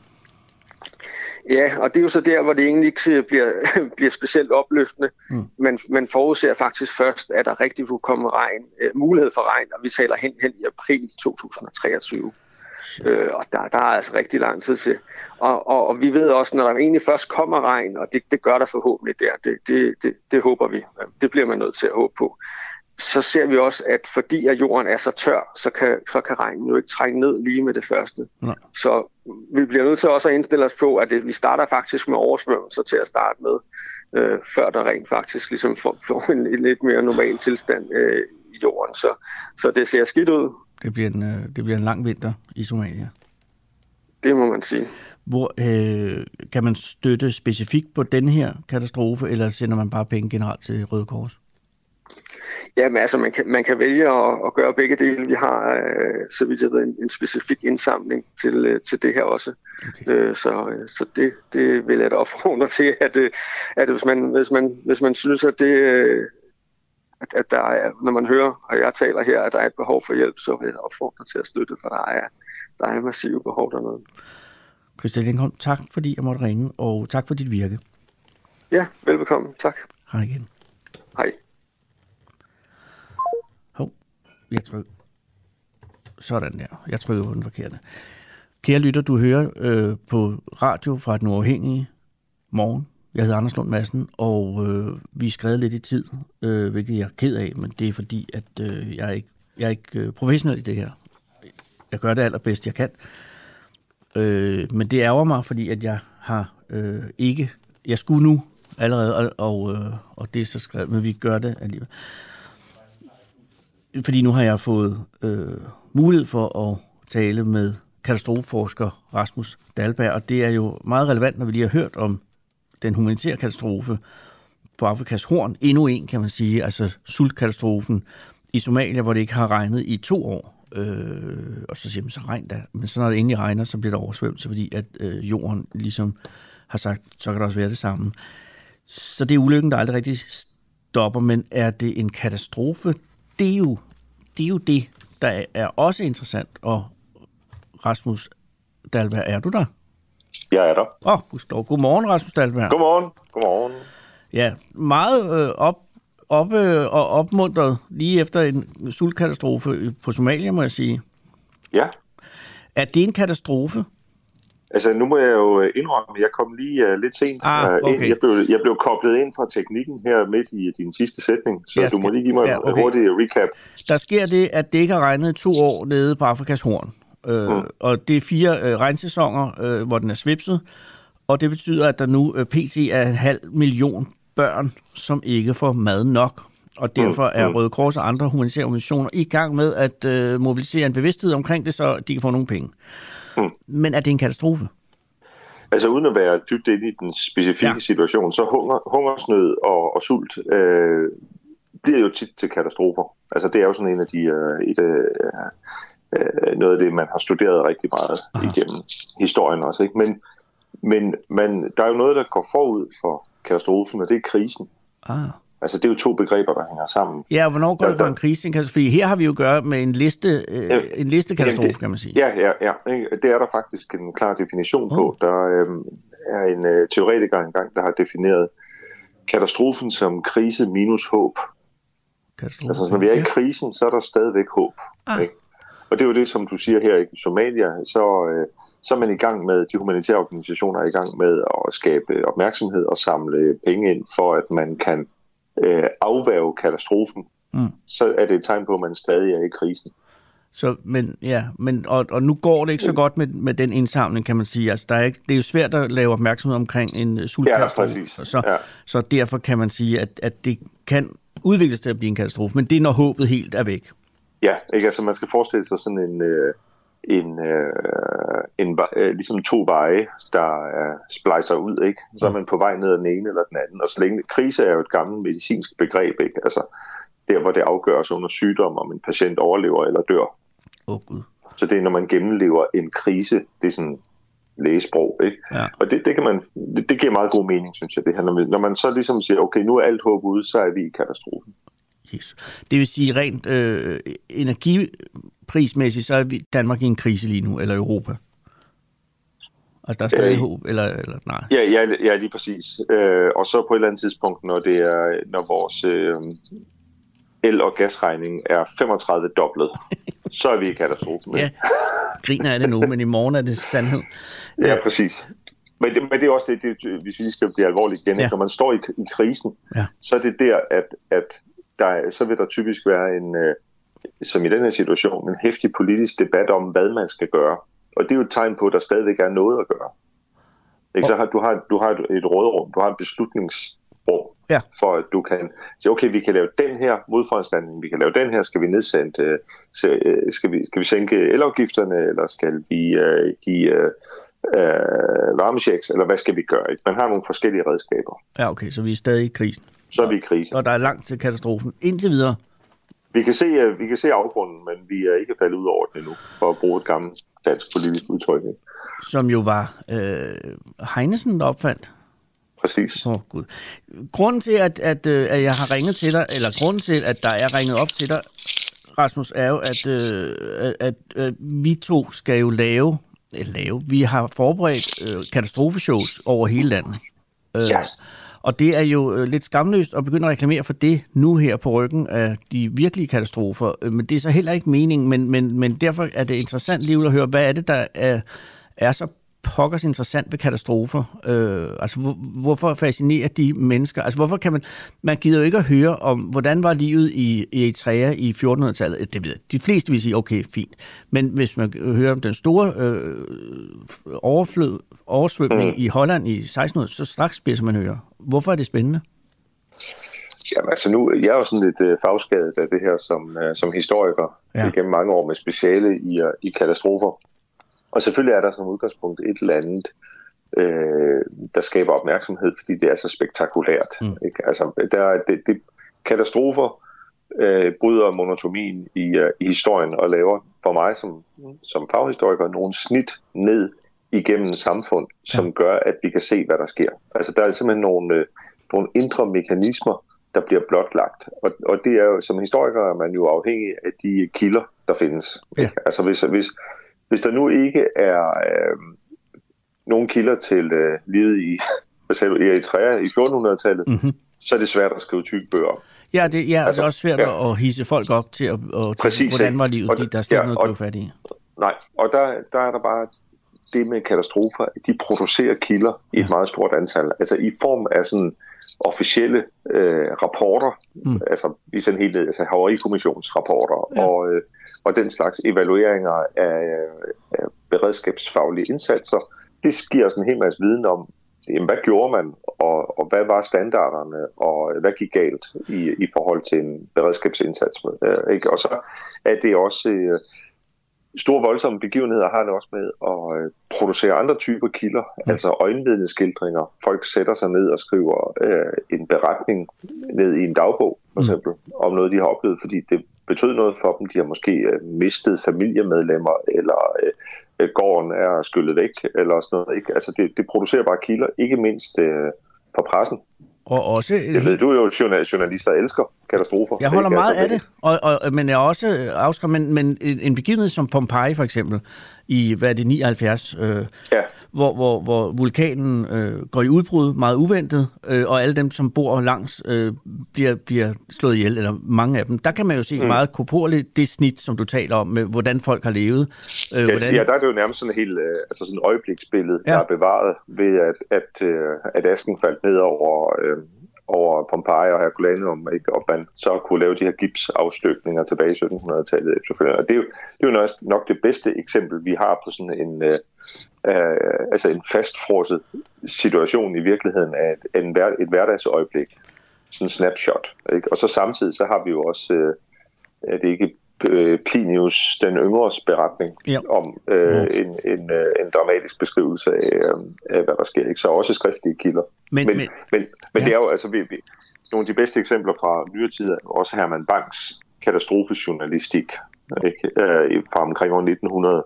Med det store tog? Den store det, togkatastrofen og, øh, og Christiansborgs øh, brand. Åh, oh, ja. Som, som han, han øh, opfinder og definerer ligesom katastrofejournalistikken i, uh, i Danmark. Men ingen af disse katastrofer er med i vores show. Hvorfor er de ikke det? Jamen, der er jo så mange at tage af. Mm. Altså, og, øh, og der er jo øh, et eller andet sted, skal vi jo... Øh, ja, de er jo så også rimelig, rimelig velkendt. Ikke? Altså, ja. jeg synes. Dem vi har fokuseret på, eller dem du har fokuseret på, er jo, øh, at de mere, altså dem vi ikke nåede, om så må sige, dem ikke, de, de er ikke upåagtede, men, de, men de, de har gået lidt under radaren. Blandt andet Tunguska-katastrofen i, i 1908, som jo er en bizarre katastrofe, fordi ikke rigtig dør nogen. Men derfor er det jo ja. en katastrofe alligevel, i det der falder en asteroide. Er det en asteroide?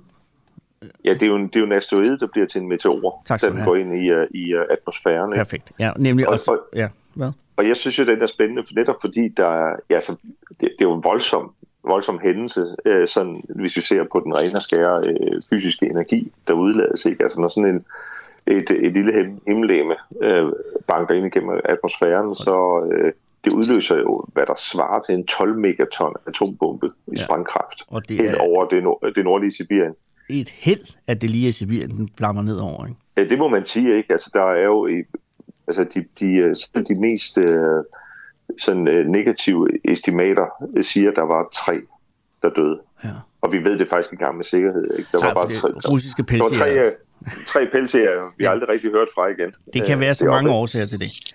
Men, ja, det, er rigtig, altså, men det, er jo, det, er jo, det er jo på den måde det er også en af de mere øh, safe katastrofer at, at, at tage med, fordi at der er, der er så få ofre, kan man sige, men potentialet i den er gigantisk. Det havde den ramt et par minutter senere, så er den ramt over øh, Moskva jo, og, og så ja, havde det været og, helt andet. Og det, det, det eksemplificerer jo øh, det, som vi siger inden for katastrofeforskningen, nemlig at der ikke findes naturkatastrofer, der findes kun menneskeskabte katastrofer. Fordi man kan jo med rette diskutere, om Tunguska øh, 1908 overhovedet er en katastrofe. Er det ikke bare en hændelse, mm. altså et fænomen? Det er jo det er, det, er et øh, noget, noget is og, og, og grus og hvad den ellers består af, ude fra himmelrummet, der banker ind i jorden. Ja. Og så slår den ned, og ja. der sker ikke rigtig noget ved det. Mm. Øhm, og, og så siger man jo det her med, at, at, at naturfænomener bliver først til katastrofer, hvis de rammer sårbare menneskeskabte systemer. Og det er jo sådan en meget teoretisk måde at formulere det på, men i det her tilfælde, så er et sårbart menneskeskabt system, det vil for eksempel være en stor by. Ja. Fordi en, en, en stor by var både dengang og i dag rimelig sårbart over for slag. Øh, så, øh, så, øh, så, så hvis, som du siger, hvis, hvis jorden havde nået at dreje en lille smule øh, og øh, nedslagsstedet havde været hen over Moskva. Ikke? Der bor knap halvanden million mennesker på det tidspunkt i 1908. Så, så skal vi altså forestille os effekten af en 12 megaton atombombe over det centrale Moskva i 1908. Ja, det er ikke lyst Så havde, det, så havde Tunguska øh, som jo så i sagens natur ikke havde været kendt som Tunguska-hændelsen, for den er opkaldt efter en, en flod op i Sibirien, hvor den ramte. Så, er det øh, så havde det været Moskva-katastrofen, i stedet for som måske havde øh, udslettet øh, fire femtedel af, af, af, af, Moskva og, og slået det meste af, af befolkningen ihjel i 1908. Men Rasmus, det er derfor katastrofer så er spændende. ikke, så havde vi ikke fået den russiske revolution. Nej, men så havde vi heller ikke haft balladen med Ukraine nu. Nej, Men, men, men, det, men det er jo det, der er så potent ved katastrofer, er, at, at, at vi kan sidde her, og, og, og alting kører, og pludselig, bum, så er alting forandret. Og, mm. og vi ved det ikke. Det er, det er, det er vanvittigt.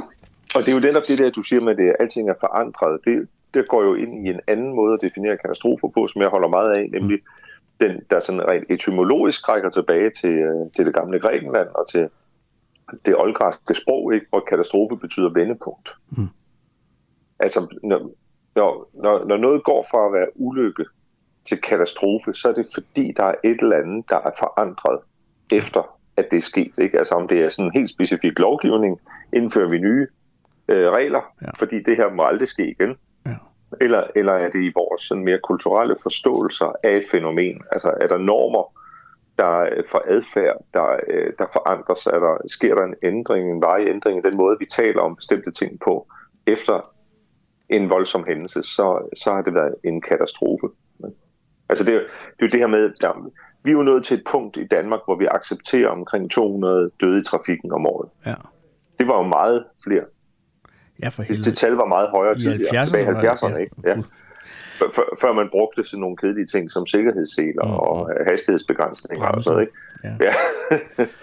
men men øh, så det er jo sådan ligesom øh, det niveau, vi har fundet i vores samfund for, det er en acceptabel risiko, ikke? Ja. Fordi det ville koste enormt meget for vores samfund i effektivitet, hvis vi skulle, øh, Vi skulle bringe det ned til 0. længere ned, ja.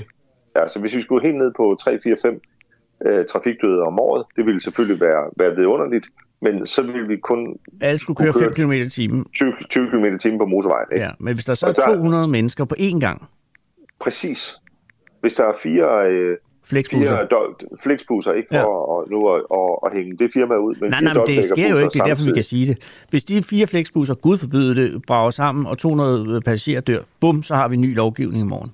Så ville, det være en, så ville det være en katastrofe, og så ville vi straks... Det første, vi ville gøre, det var at forbyde øjeblikkelig kørsel med dobbeltdækkerbusser, Ja. indtil vi undersøgte det nærmere. Derefter så ville man finde nogle regler, der Ja. ja. ville øh, sikre, at der aldrig nogensinde ville være to øh, eller flere dobbeltdækkerbusser på samme vejstrækning øh, på samme tidspunkt. Allerede Altså, en, en regel, jeg godt kan lide allerede. ja. Men det er ikke sket endnu. Jeg, jeg ikke må, sket endnu. Jeg, vi må ikke tale sammen længere. Der sidder folk og vifter med armene. øh, øh, men, men hør her. Det der, altså, vi har jo lavet, øh, arrangeret fem øh, sh- katastrofeshows i hele landet. Ikke? Ja. Øh, og vi skal sikre, at det ikke bliver en katastrofe med de shows. Mm-hmm. Og det gør vi ved, at der kommer nogen ind og ser det. Det er planen. Ja, øh, og det første er øh, den 27. inde i Bremen i København, og så ellers så er det Aarhus og Aalborg og Esbjerg. Esbjerg er et smertensbarn, fordi du er fra Esbjerg, der er solgt noget Jeg med be- 14 jeg- billetter, ikke? Ej, det går øh, meget bedre nu. Min svigermor er i rigtigt? fuld gang. Her. jeg befinder mig i Esbjerg lige nu. Ja, men vil du så gå ud på gaden og sige, at det, det, de glade nyheder, at der snart kommer øh, katastrofeshows? Det vil jeg gøre. God weekend, øh, Rasmus, og pas på øh, landet. I lige måde. Tak. Moin. Hej. Moin. Vi er skrevet i tid, og jeg skal beklage det. Øh, Christian, ja. Du sidder herinde i studiet. Ja, Og det er fordi, du er jo ryggraden i den uafhængige morgen, ikke? jo, det vil jeg mene. Du er ryggraden, hjernen og noget af nyrerne. Ja, Så er der Alexander. med mig. Alexander? Han er her også. Han er teknik. Men han er jo, han er og, jo, øh, han er skelettet, ikke? jo, Altså han er, og, og du er musklerne. ja. Og, øh, og vi har jo aftalt, eller der er nogen i systemet, der har aftalt. Er det din idé? Øh, nej, det tror jeg faktisk ikke, den startede ved mig. Ved vi, hvem der har startet ideen? Altså ideen med mm. radioen. Nej, ja. Altså, hvor langt skal vi tilbage? Hvem, det var Marconi? Eller han stjal lidt ideen. Nå, Ja. Nej, jeg tænker med, med den idé med, at du skal gå ned på gaden. Okay, ja. Det var vores redaktør, Peter Svarts. Peter Svarts, og han ligger og sover nu, ikke? Jo, det vil jeg gå ud fra. Fint, Svarts. Men jeg synes, at det er synd for dig. Det er der, jeg gerne vil Ja. sige. For ideen er smuk.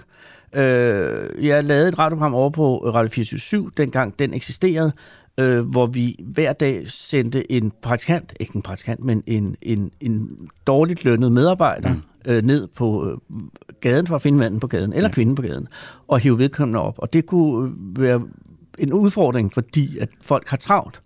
Men vi lavede det program om eftermiddagen, hvor der dog var folk, der bare vandrede rundt. Nu her er klokken jo 7 minutter i 8, og, der findes, og det regner. Så der findes ikke mennesker på gaden i Nordvest, som ikke skal noget. Og det er det, der gør din opgave meget svær. Ja, det bliver en rigtig øh, møgeopgave. Men, ja. øh, så det, ja, det kan da være, at der ikke, at det ikke ender med at give nogen øh, noget afkast. Men, det tror jeg ikke, at det gør, fordi jeg har ikke oplevet, altså i alle de gange, øh, vi lavede, der var ikke en eneste gang, det ikke lykkedes. Er det rigtigt? Der var en gang, hvor de blev væk i bygningen, to unge det drenge. kan jeg godt huske et eller andet med, ja. Ja, Fandt og- de dem? Nej, de dukkede aldrig op. Så de jeg kan ud- stadig være der? De kan, de kan tænke sig stadig være Okay. der. Og det er jo lidt ærgerligt, men Ja. det er snart er fire år siden. Ja. Men, men, men de var mægtig friske, og jeg tror, de mere tænkte, de ville ind og se, hvad der ellers skete, og så Mm. forsvandt de lidt. Det tror jeg ikke, der er nogen, der bliver væk i den her bygning. Nej, der er så ikke så meget, altså der er andet, der sker herinde. Jeg kan mærke, der er kommet nogle håndværkere her, Ja, de går i gang her klokken 8, så Ja. ja. øh, og, og det er fordi, at det er hele... fordi, ja, vi er lige flyttet herover. Ja, og så, det ser jo godt ud. Nej, det ser helvedes til. Ja, det gør det. Ja, så det, det, men, men det er også lige, det er work in progress. Ja, Og I har øh, lejet jer ind hos øh, DK4, forstår jeg? ja, Og, det og tak til DK4 for det. ja for pokker da. Og- Det er Stig Hasner. Ja, god gammel sti. Ja. Øh, og det her, hvor jeg sidder, og du sidder, ligner lidt en byggeplads, men det bliver meget flottere.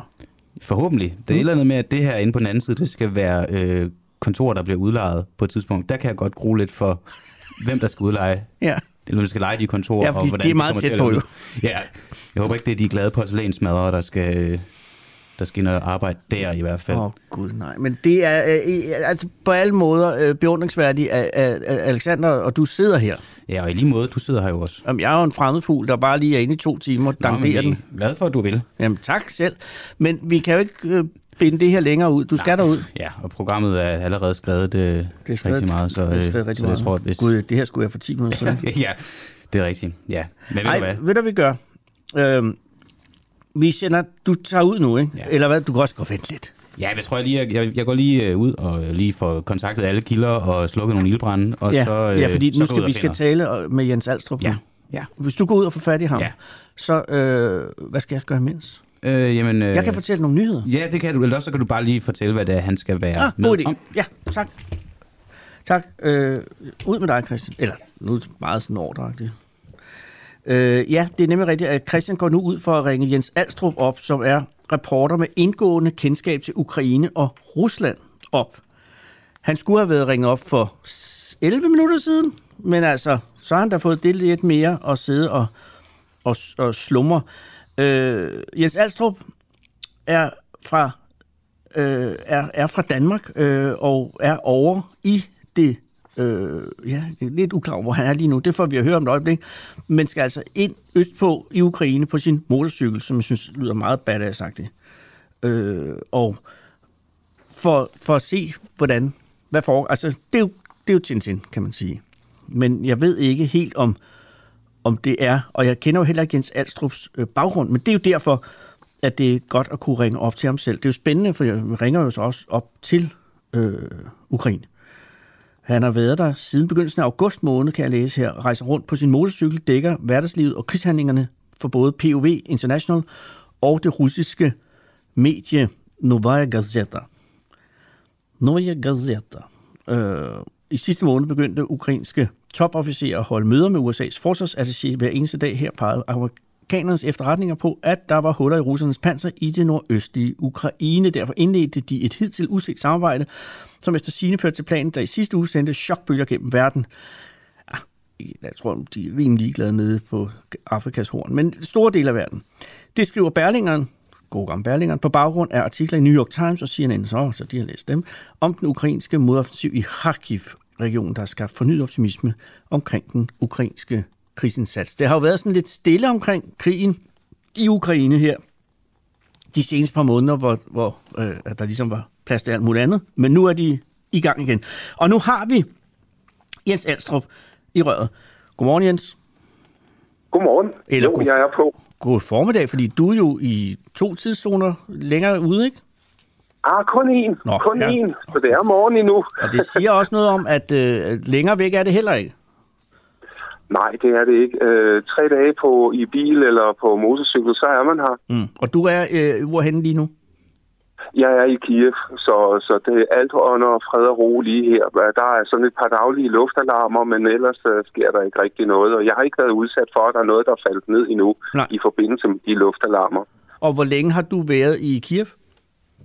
Uh, der har jeg været en uh, god uges tid. Uh, jeg har været op i det nordøstlige, i øvrigt meget tæt på uh, Kharkiv i Sumi, uh, i det østligste uh, Ukraine, eller nordøstligste uh, Ukraine øh, for at øh, tale med øh, borgmesteren og lokale øh, militser og øh, soldater, der er fra byen og var på overlov i øh, byen.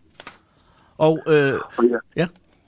Ja, jeg har også været nede i Pavlograd. Øh, der, øh, der, der lagde jeg mig så og blev jeg faktisk ret alvorligt syg. Øh, så så det, var, det fik jeg ikke så meget ud af.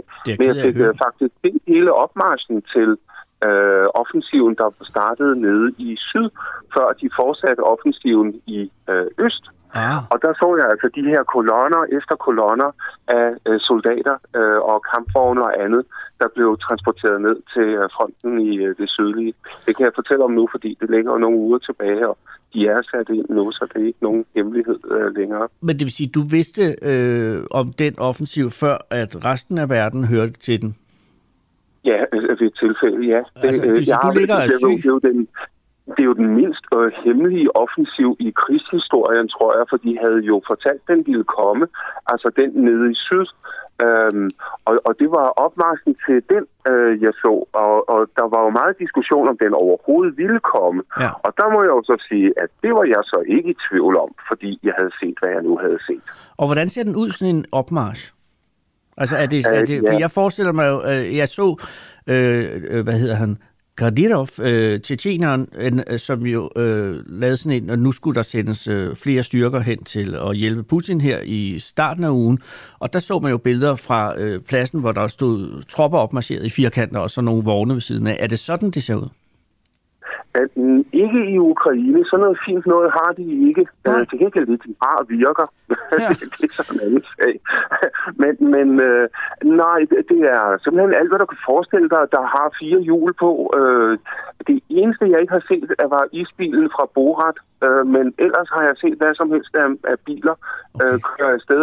Og sådan lige malet uh, i noget camouflagefarve. Nogle af dem kunne ikke køre, så de var i bånd efter en øh, lastbil, der godt kunne køre.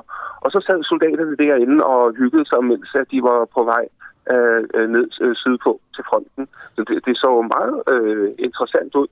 Og, og hvis ikke det var fordi, jeg kendte den ukrainske her i forvejen, så, så tror jeg faktisk, der er mange, der ville være meget tvivlende over for, hvad, hvad de dog ville være i stand til. Øh, men, men deres køretøjer var ikke så fine, øh, og til gengæld meget forskellige, men, men deres øh, våben var klar og øh, smurt, og krudtet var tørt, og moralen var høj. Men og det er jo det, der i den er det vigtigste. Selvfølgelig, men det lyder rodet umiddelbart. Altså jeg tænker, en, en, en offensiv, der skal jo være en plan, og det går ud fra, at der er, men så skal den jo også kommunikeres ud, og så skal man jo på en eller anden måde, altså jeg, jeg forestiller mig, at man må have en eller anden form for formation, altså de må for helvede køre i en eller anden orden øh, og, og, og, og, og, med en plan. Altså det, virker det her gennem, eller virker det gennemtænkt, eller, eller kaotisk? Um, Altså, hvis man kigger på det, så ser det meget kaotisk ud. Mm. Men nu ved jeg lidt mere end, end bare det, øjet lige ser, øh, når de kører afsted på øh, vejene. Og det er alt andet end øh, kaotisk i virkelighedens verden. Øh, de har øh, øh undervisning, de gennemgår øh, deres planer for soldaterne. Der er ikke nogen, der er i tvivl om, hvad det er, at det går ud på, når de bliver øh, sat ind. Øh, de har også trænet det. Jeg skal ikke kunne sige, om de er trænet på NATO-niveau. Altså, vi kan jo se, at de soldater, der lige har været i England, det er jo forholdsvis kort uddannelse. De får på en, hvad var det, 4-5 uger. Ja. Det er jo betydeligt mindre, end en NATO-soldat får. Men, men her østpå er det en øh, høj standard. Øh, og man er også dygtig til at rotere folk, sådan så øh, soldaterne gradvist øh, får deres erfaring, inden de bliver sat ud i de allervanskeligste øh, situationer. Øh, modsat russerne, hvor de bliver sendt ud bølge efter bølge og aldrig kommer hjem igen og lærer noget af det. Altså, det lyder som en oplagt øh, opgave for sig en, en god kaospilot. Altså, øh, til at, ja. at lave en, organisation i det her. Og, eller, men det, nu virker det som om, det er en organisation, der kører udmærket. Men altså med, med at være god på mange poster og sådan noget, også i tråd med HK's nye kampagne, med hele tiden at være i stand til at lære nyt. men, men på den måde er de jo first movers i den ukrainske her, øh, i forhold til så mange andre erhvervsgrupper i Europa. Ja, det, det kan man godt sige. Ja, det, det Nå, og det viser sig jo også, at, at, at, det, at, det, at det kan betale sig, fordi den er jo succesfuld, offensiven, eller modoffensiven, i, i disse dage. Ja. Men nu skal du ud af, af Kiev, ikke? Jo, det skal jeg. Jeg, jeg tager så ikke øst på, men det, det, er heller ikke, det er heller ikke meget længere, at den øh, ukrainske her kan komme øst på. Øh, det ser ja, så ud til, det i Rusland. Ja, det er det, ikke? Og, og det, det må man ikke. Nej. Øh, det får de i hvert fald ikke vestens støtte til. øh, ikke som det lige ser ud lige nu. Nej, men, ja, men ja. når du skal sydpå, hvorfor, hvorfor vil du sydpå? Ja, det er fordi, øh, det ser ud til, at øh, der begynder at komme noget mere momentum i offensiven ned i, omkring øh, Kherson og Kherson by. Ah. Øh, de står, som det umiddelbart ser ud til, kun 10 km fra øh, Kherson by. Og, og øh, så, så, så der kommer den, øh, det næste trin øh, nok til at ske øh, i offensiven. Og hvornår kører du? Ja, det gør jeg på søndag.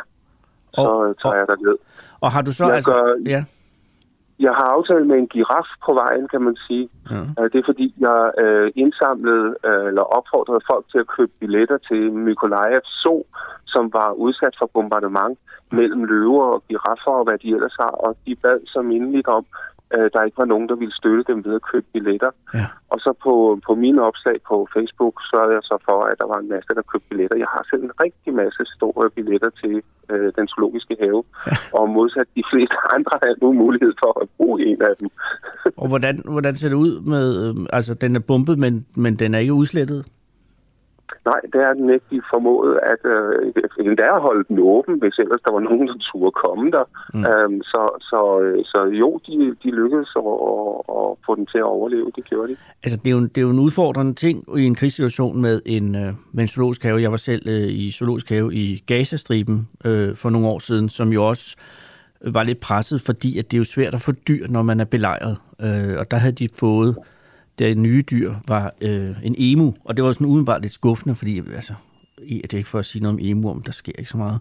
Men det var simpelthen, fordi Nej. det var det største dyr, man kunne få igennem tunnelerne over fra Ægypten på det tidspunkt. De skal bæres på ryggen, og der kan man simpelthen ikke bære et større dyr end en emu igennem. Det var også en ung emu. Og, og det var en meget sløj zoologisk have. De har også malet øh, et af æslerne, som skulle ligne en, en zebra, sådan så børnene kunne få en idé om, hvordan en zebra så ud. Og det er vel nok ja. nogenlunde der, vi er også med den zoologiske du skal ned og besøge. Nej, jeg ved faktisk også, de har løver, øh, og de stadigvæk er der. Okay. Man havde lidt problemer med, at hegnet blev ramt af granater et par ja. gange, så løverne sådan rent faktisk ikke nødvendigvis var inde i buret. Nej, det men øh, men de, de kom i hvert fald tilbage, hvis de nogensinde lykkedes at komme ud og opdage det. det er det samme. Jeg har, jeg har nogle høns, hvor, hvor der også gik hul i buret, og de kommer jo tilbage, når de skal, når de, når de skal spise. Sådan er det nok også med løver, vil jeg tro.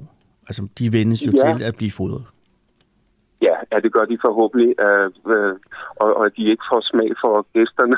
det, det, det, det, det scenario. Men, men du kører derned på din motorcykel nu, og har der noget frygt i dit hjerte på den tur, du skal ind i, eller er det fuldstændig trygt og godt? Nej, det, det er jeg ikke. Jeg prøver at komme ud på fronten, øh, og jeg ved godt, der har været nogen ude ved fronten nu her, øh, men, men det er sådan øh, i, i grupper, at man får lov til at komme ud. Det er ikke rigtig min måde at arbejde på. Øh, jeg foretrækker at komme ud til fronten og være sammen med nogle soldater i nogle dage, og, og så skrive om at have, have været sammen med dem i en, en øh, periode. Øh, det, det er sådan min måde at arbejde på. Øh, men det er meget svært. Det har de ikke givet lov til. Og så, så det jeg gør, det er, at jeg tager til byer, der ligger i selve, øh, eller har ligget i selve frontzonen, og øh, taler med indbyggerne om deres øh, oplevelser. Det er ja. så det, jeg gør i stedet for. Jens, jeg vil ønske dig en god tur, og pas på dig selv. Mange tak. Og, det skal jeg gøre, jo tak. Kør forsigtigt, ikke? Det skal jeg gøre. Hej. Hej. Okay, her, nu skal jeg sige noget og jeg skal sige følgende. Her skal du høre vores journalist Clara Vind, som forpustet fanger justitsminister Mathias Tesfaye efter et samråd, hvor hun prøver at stille ham et spørgsmål om FE, altså du ved, SM, FESM, altså det er SM-IFE-sagen. Øh, lyt med øh, 28. Ah, det er så lidt... Nå jo, det kan man også. Lyt med 28, hvor du kan høre hans svar og hans engel, når vi dykker længere ned i sagen. I forhold til den briefing, der har været i EFE-sagen om Lars Finsen, der dyrker SM6. Er det noget, udlandske efterretningstjenester og samarbejdspartnere også er blevet briefet om? Da du blev indsat som justitsminister og skulle igennem sikkerhedstjek, skulle du så også oplyse om dine seksuelle præferencer. Kan du ikke prøve at fortælle mig, hvorfor det er relevant, at partiledere skulle briefes om, at Lars Finsen dyrker SM6 og har taget en cykel fra en genbrugsplads? Ja. Men det er så altså 8.20, hvor vi hører svarene, og ikke mindst Hans Engel, når vi dykker yderligere ned i denne sag. Hej, du lytter til Den Uafhængige på podcast. Husk, at du også kan lytte med, når vi sender live hver morgen kl. 7. Download vores app, Den Uafhængige, og tryk på play-knappen. Det er helt gratis. Nu skal vi, Jesus, til noget andet.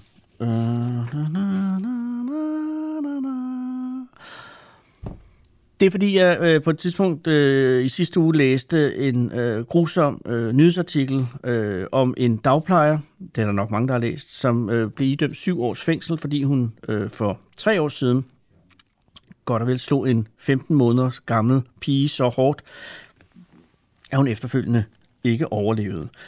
Øh, og det er jo en... Øh, det er jo en forrige situation at, øh, at blive kastet ind i, når man, når man pludselig hører om en, en retssag, hvor en, øh, et menneske, som er blevet sat til at passe nogle børn, øh, ikke er i stand til at gøre det, og kan drives, eller er i hvert fald i en situation, hvor man, hvor man, hvor man simpelthen skader et barn så meget, at, at det dør. Det virker jo som noget, der, der ikke foregår i virkeligheden. Men det gør det jo, og det er jo det, er jo det som, som sådan nogle nyheder kan gøre ved en, når man pludselig bliver konfronteret med, at, at det menneskelige sind er i stand til absurde ting, eller ikke menneskelige sind, men det menneskelige organisme er i stand til sådan noget at gøre. Og, og derfor er der forstandige mennesker på det her radioprogram, der synes, det var en god idé, og, og det er det, at spørge en øh, egentlig fagkapacitet om, hvordan det kan være, at man kan bringes derud. Og Henrik D. Poulsen, er du hos mig?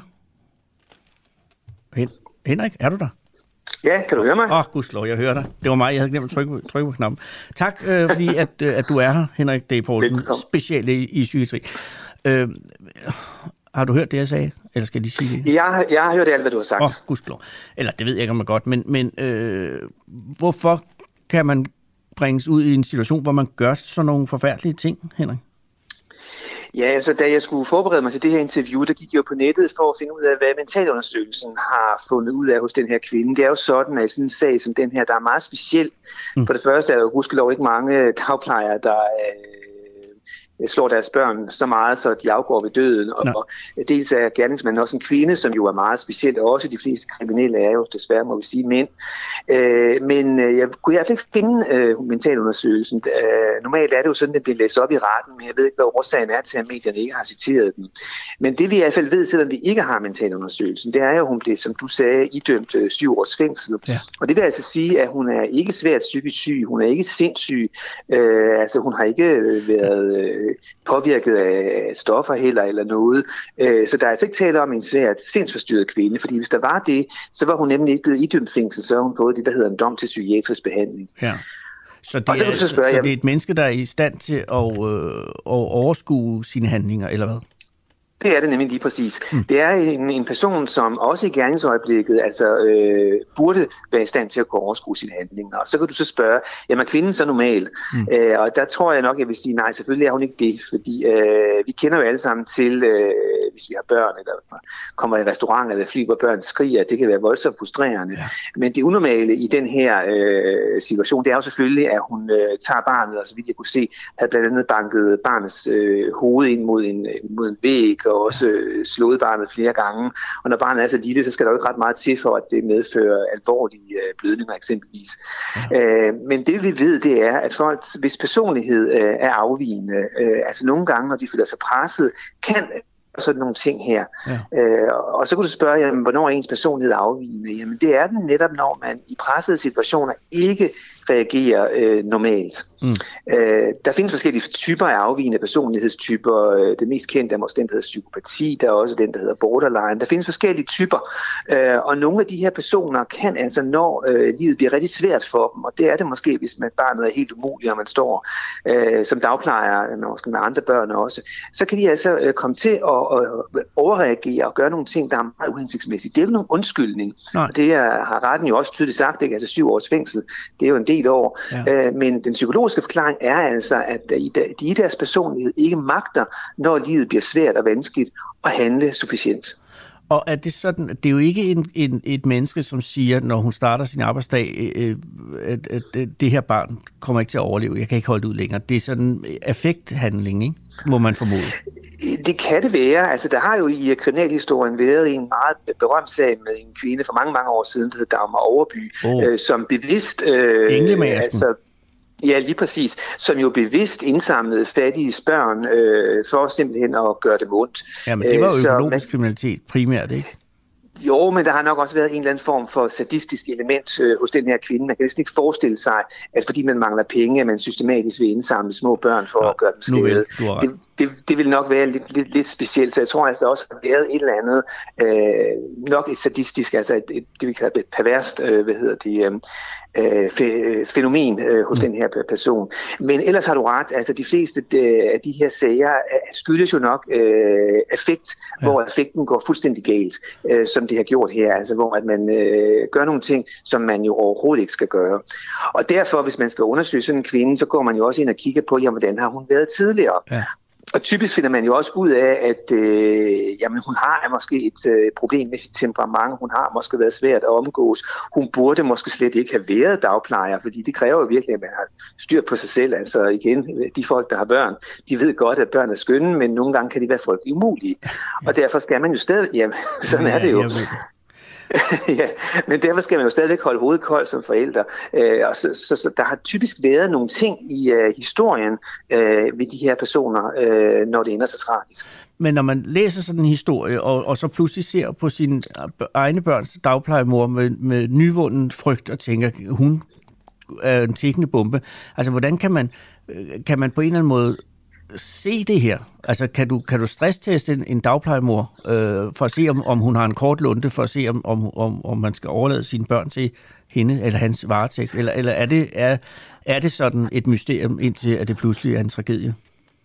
Nej, så man kan jo ikke sende psykiater ud og undersøge alle dagplejemøder. Det er for det første ikke psykiater nok til, at det, det bliver også frygteligt dyrt. Og det er også grænseoverskridende, at man som dagplejemor skal ja, det underlægge sig en psykiatrisk undersøgelse.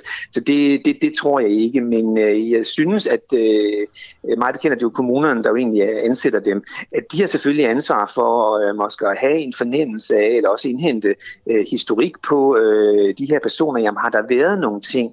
Og det er klart, altså hvis der tidligere på andre arbejdspladser har været voldsomme samarbejdsproblemer, eksempelvis, eller fyringer på grund af utilpasset opførsel, jamen så er dagplejen måske ikke det bedste job, øh, fordi det er jo et job, der i perioder øh, kræver meget. Og det er jo sådan, at øh, os, der for eksempel er læger, jamen vi skal jo også have styr på vores, øh, på vores temperament. Øh, de fleste patienter er jo skønne og uproblematiske, men jeg møder jo også en gang imellem patienter, som er helt urimelige. Og der skal man jo kunne lære ligesom at takle det. Og hvis dagplejemoren ikke kan det, jamen så skal hun jo finde en anden job. Men er det så sådan i, i den her konkrete tilfælde, at når, når man så har, øh, altså når man har forløbet sig og har forvoldt skade mod det her barn en gang, øh, at det er jo flere gange, at, at barnet her bliver slået, øh, er, er, det så, er, er spunsen så slået af, om jeg så må sige, at så, så, så kan man gøre det igen og igen, er det, er det, eller er det, findes der noget, hvor man bare forløber sig, og så tænker, gud, hvad har jeg gjort, og så får afmonteret tragedien? Nej, desværre er det jo sådan, hvis man ser på kriminelle øh, generelt, at øh, hvis det går godt en gang, så bliver man ofte lidt mere modig. Ikke? Hvis der er ikke nogen, der opdager det, mm. jamen så øh, mere eller mindre ubevidst, så gør man det igen. Øh, og hvis det så også går godt, godt, godt, så gør man det igen. Det er det, man kan blive vane kriminel, kan man sige. Øh, og det er også derfor, at øh, samfundet jo over for kriminelle skal slå øh, tidligt og hårdt ned, fordi det er med til at forebygge, forebygge fornyet kriminalitet, hvis den kriminelle oplever, at øh, her bliver der altså slået hårdt ned. Det er ikke bare sådan noget noget med, ja, nu er jeg sur, men næste gang så falder hammeren. Øh, så der er det vigtigt, at man, øh, at man øh, slår ned, øh, og også hvis der har været for eksempel klager fra forældre over, at øh, der var mærkelige mærker på deres børn, når de kom hjem fra dagplejen, jamen så skal man jo gå ind i det, øh, fordi det er jo ikke ligegyldigt. Børn får jo ikke pludselig mærkelige øh, blå mærker på overarmen øh, ved at være i en dagpleje. Men nu er hun øh, er i hvert fald et videre idømt øh, syv års fængsel, øh, og, øh, og, og vil vel formodentlig ikke komme i nærheden af at passe børn senere hen, men kan hun selv øh, være nervøs for, at, at det her er noget, der vil kunne gentage sig? Eller er, hun, øh, er der en chance for, at hun kunne, om så sige, blive kureret? Ja, så nu var kvinden jo 58, det vil sige, når hun kommer ud, så er hun øh, først i 60'erne. Nogle ja. gange får man jo lidt rabat, øh, hvis man opfører sig pænt, så det er ikke sikkert, at hun skal sidde inde i syv år, men lad nu det ligge. Ja. Øh, men øh, det kan jo godt være, at øh, fængselsstraffen simpelthen har fået hende til at tænke sig om. Det er jo en af grundene til, at vi straffer. Der er jo mange grunde til, at vi straffer retssikkerheden, øh, hensyntagen til de efterladte til offeret.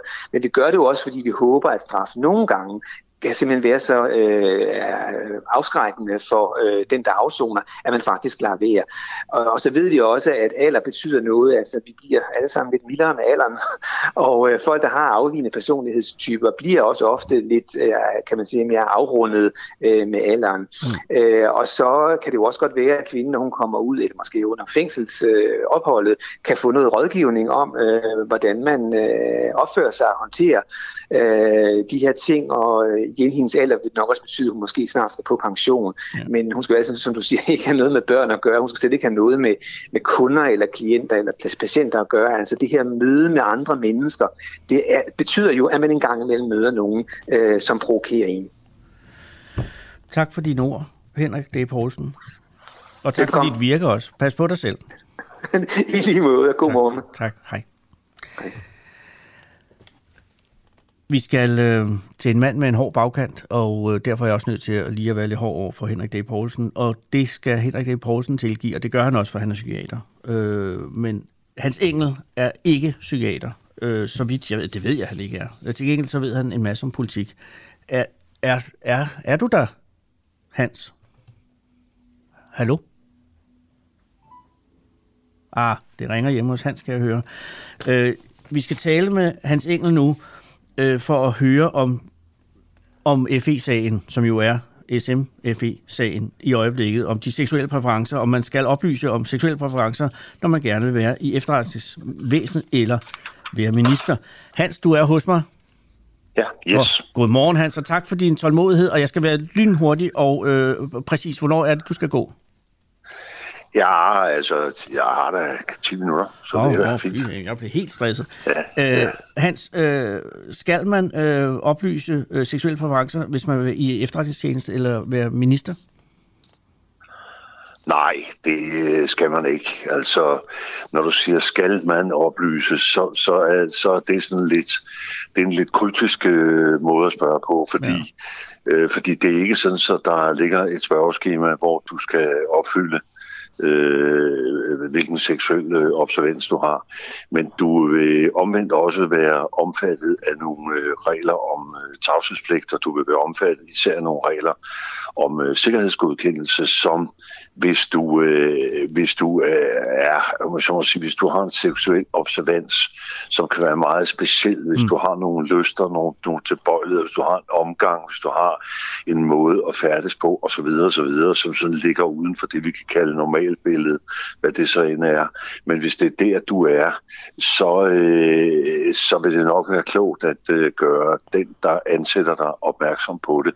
Og det er sådan mest ud fra den betragtning, at øh, hvis det er kendt at den, der ligesom er din chef, eller den, der tager stilling til din ansættelse, så vil du ikke øh, løbe nogen risiko for at øh, kunne blive udsat for afpresning. Du vil i hvert fald være i en situation, hvor du har lagt tingene på bordet, og, øh, og der er ikke nogen, der sådan kan komme og sige, her har vi noget på dig, fordi de oplysninger vil være kendt af dem, der ansætter dig. Men det er, jo, det er jo et stort ansvar også at lægge på øh, personen, der søger et, et embede i disse stil. Jeg tænker, for nu er øh, SM, som jo er, er øh, sagen her i Lars Finsen til synlædende, ja. at det er, jo, det er jo meget, altså det er jo meget, kan man sige, det er svært at kalde det en egentlig perversion. Jeg tror ikke, der er nogen øh, købstad i Jylland, hvor man ikke har mulighed for at dyrke SM øh, på alle tider af døgnet, hvis man har lyst. Men, men, øh, men altså, hvor langt... Øh, Altså, hvorfor har, har dette med øh, Lars Finsens eventuelle sadomasochistiske øh, sexliv øh, fået overhovedet en, en rolle i den her sag? Altså, hvorfor, hvorfor ved vi det, Hans? Ja, det gør vi jo, fordi, øh, fordi det er kommet frem i øh, medierne, ja. i øh, Berlingske Tidene, at øh, i forbindelse med den sag, der jo altså ikke handler om sex øh, eller fængsels privatliv sådan i øvrigt, men som jo handler om, øh, hvorvidt øh, han øh, har brudt sin tavshedspligt. Ja. Altså om hvorvidt han har brudt øh, straflovens bestemmelser, og det er jo det, der ligesom er hoved, øh, hovedsagen. Men så pludselig sidder altså, PET-chefen og fortæller... Ja, Ja, så har man valgt, altså du kan sige, det, det, det er i virkeligheden to spor, man blander sammen. Mm. Fordi det ene spor, det er det, der handler om, øh, om hvorvidt han har overtrådt straffeloven ved at bryde sin tavshedspligt. Og øh, det er så det, man åbenbart har valgt fra øh, minister- og anklagemyndigheds side at orientere en øh, række politiske ledere om, at, øh, at øh, her har I altså baggrunden for det der meget, meget, det der meget, meget hemmelige sag, der kører. Men i den sammenhæng har man så til synligheden også givet oplysninger om hans øh, om hans sexliv. Og, øh, og der vil man sige, at de to ting har intet med hinanden at gøre. Altså hvis, hvis, hvis øh, hans øh, arbejdsgiver, og det vil jo så sige øh, justitsminister, justitsministeren og justitsministeriet osv., mm. hvis de mener, der er problemer med Finsen og hans sexliv, og det bringer ham i en særlig sikkerhedsrisiko, eller han ikke lever op til forpligtelsen om tavshedspligt, så er det et tjenestelig samtale, man tager med ham. Ja. Altså så er det, så er det et mellemværende mellem Lars Finsen og øh, det ministerium, som har ansat ham. Det er ikke en sag, der vedrører Folketinget. Men, der er ikke en bræk med Folketinget Hans, at gøre. Hvorfor fanden sidder han så og siger det? Altså, det virker, ja, det virker der, fuldstændig gokkenotter. Ja, men nu, har vi, nu, nu er vi ude sådan lidt i okay. gætteriernes ja, øh, flade, ikke? Fordi, fordi sagen er jo den, og der er ikke nogen, der ved andet end det, der har været frem i medierne. Nej. Og det eneste, altså, det eneste, jeg kan forestille mig, at der er sket, det er enten, at man åbenbart har følt, at øh, man vil lægge alle mulige oplysninger på bordet over for de her partiledere, uanset om de var relevante eller irrelevante eller hvad, men de har ligesom lagt det hele frem. Øh, og det må man så sige, øh, det, er, det er noget af fejlskøn, og det er jo altså noget, der, altså, som jo, nu kan vi jo se, det har jo givet anledning til, at den tidligere øh, chef i PT, Bonniksen, øh, han har jo foretaget politianmeldelse. Men altså den anden grund, hvis man overhovedet skal se en savlig begrundelse, mm. så, så kan det være fordi, at man altså skønner fra anklagemyndighedens sammenhæng, øh, fra anklagemyndighedens side, at der er en sammenhæng imellem øh, straffesagen og, og så, øh, og så findes de oplysninger, der er kommet om Finsens sexliv. Altså, at der er en eller anden øh, sammenblanding her. Og der kan man sige, der er der jo ingen grænser for, hvad fantasien kan byde på, fordi der er noget af det, som fantasien jo blandt andet har sagt, det er, jo, men kendskabet til øh, Finsens sexliv, det har muligvis været kendt hos en eller hos flere journalister, som har benyttet de oplysninger til at presse oplysninger ud af Finsen. Og hvis det er der, vi er, altså hvis det er der, vi er, så, så, så kobles tingene jo sammen på en anden måde. Men altså, alt det her, det er ikke noget, vi, øh, vi ved, og, og det, jeg synes, der sådan set er, er, er meget bemærkelsesværdigt, det er jo, at, øh, at Dansk Folkeparti's Morten Messerschmidt er jo ude at sige, og han må så altså åbenbart have kendskab til den sigtelse, der er rejst mod Finsen. Og han siger, at han kan i de oplysninger, som han fik som partileder, da han var indkaldt til denne hemmelige samtale, der kan han ikke i sigtelsen genkende flere af de forhold, der blev nævnt under samtalen. Nu siger Messerschmidt ikke præcis, hvad det, er, det handler om, og det må han heller ikke, fordi han er jo også pålagt uh, tavshedspligt i ja. hele den her sag. Men han går meget, meget langt, og der kan man jo, altså igen, hvis vi bevæger os i gætteriernes øh, flade, det, det, så kan vi jo så sige, okay, altså har, har Messerschmidt fået så oplysninger om Vincents øh, sexliv koblet på sagen, og når han så sidder og ser øh, læser den sigtelse, der er rejst, så har det intet som helst med, med Vincents sexliv at gøre. Der er ingen sammenkædning overhovedet. Og det er klart, så er det, det begynder at blive problematisk, og så er det jo, som vi har set, at nogle af partilederne, øh, de fleste af dem har udtalt sig anonymt, at de siger, hallo, hvorfor skulle vi egentlig sidde og have den viden?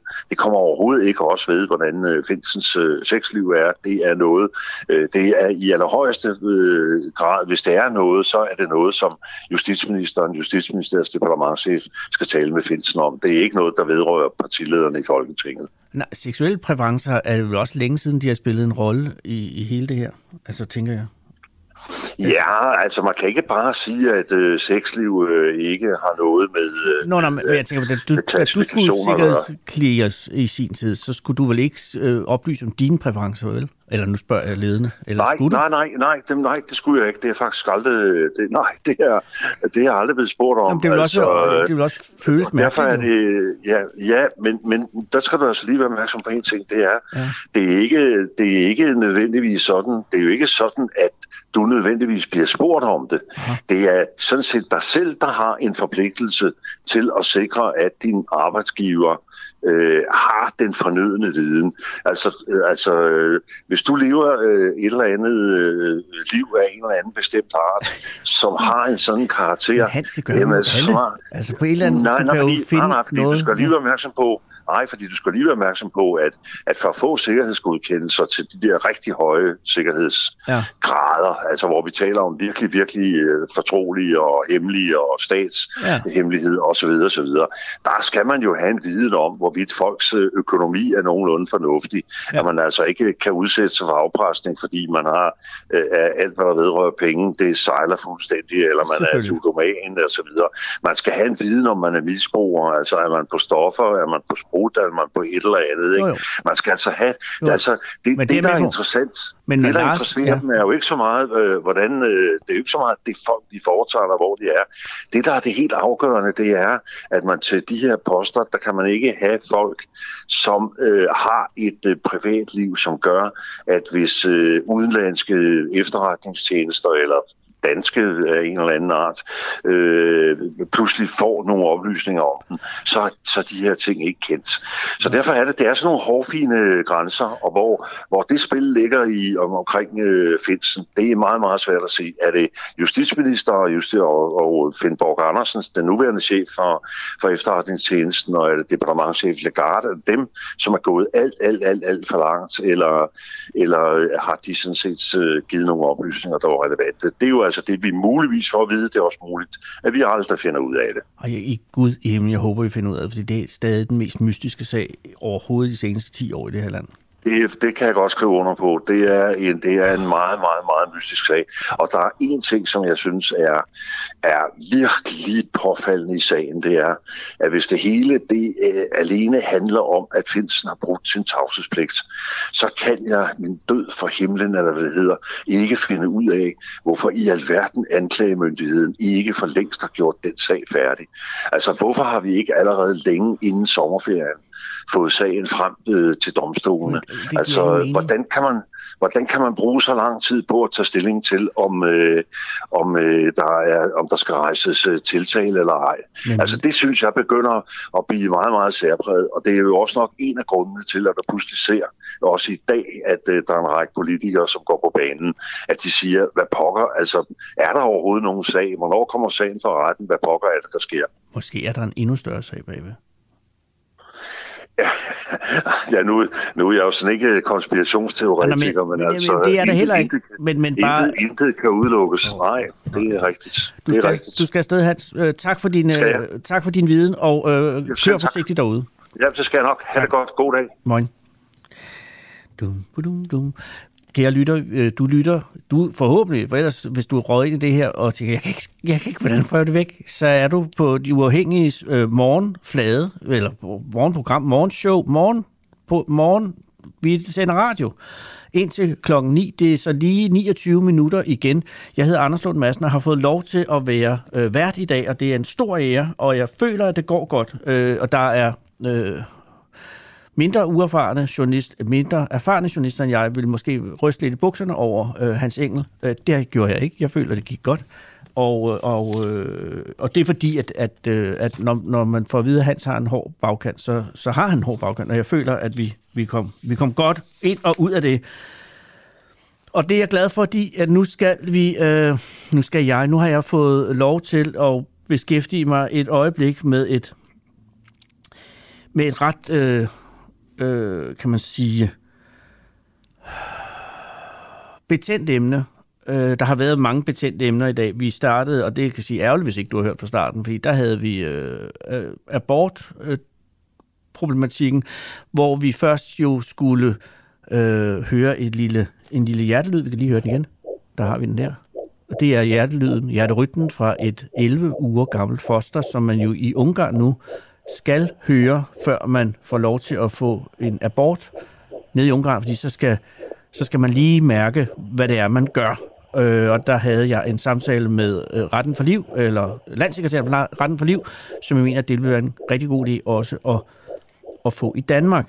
Øh, hvorefter at øh, vi fik præsenteret, jeg fik præsenteret øh, partiet Kronborg, som vil have forbudt islam inden 2031.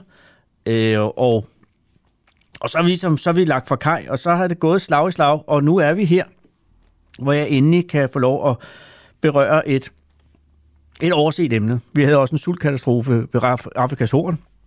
Halv million øh, børn, som er ved at dø af sult, fordi det ikke har regnet i fire regnsæsoner, to år, og som ikke rigtig har den opmærksomhed, fordi at, øh, ja, altså det, det er svært, man ser det, men man ser det ikke rigtigt, fordi det, det har været der før, og det vil komme igen. Øh, men en af de mere synlige katastrofer, gud, vi også taler om katastrofer, øh, det er sådan, at Rasmus Dahlberg, katastrofeforsker Rasmus Dahlberg og jeg selv øh, laver nogle katastrofeshows her i efteråret, øh, hvor vi ligesom beskæftiger os med de nogle af de store katastrofer. Ikke for at gøre os lystige på dem, men for at gøre os øh, klogere på dem, og for også at dykke ned i de interessante mekanismer, der udløses, når katastrofen indtræffer. Det, det er forbløffende, hvor dumme folk er, og så forbløffende, hvor kloge folk bliver, når de har været dumme.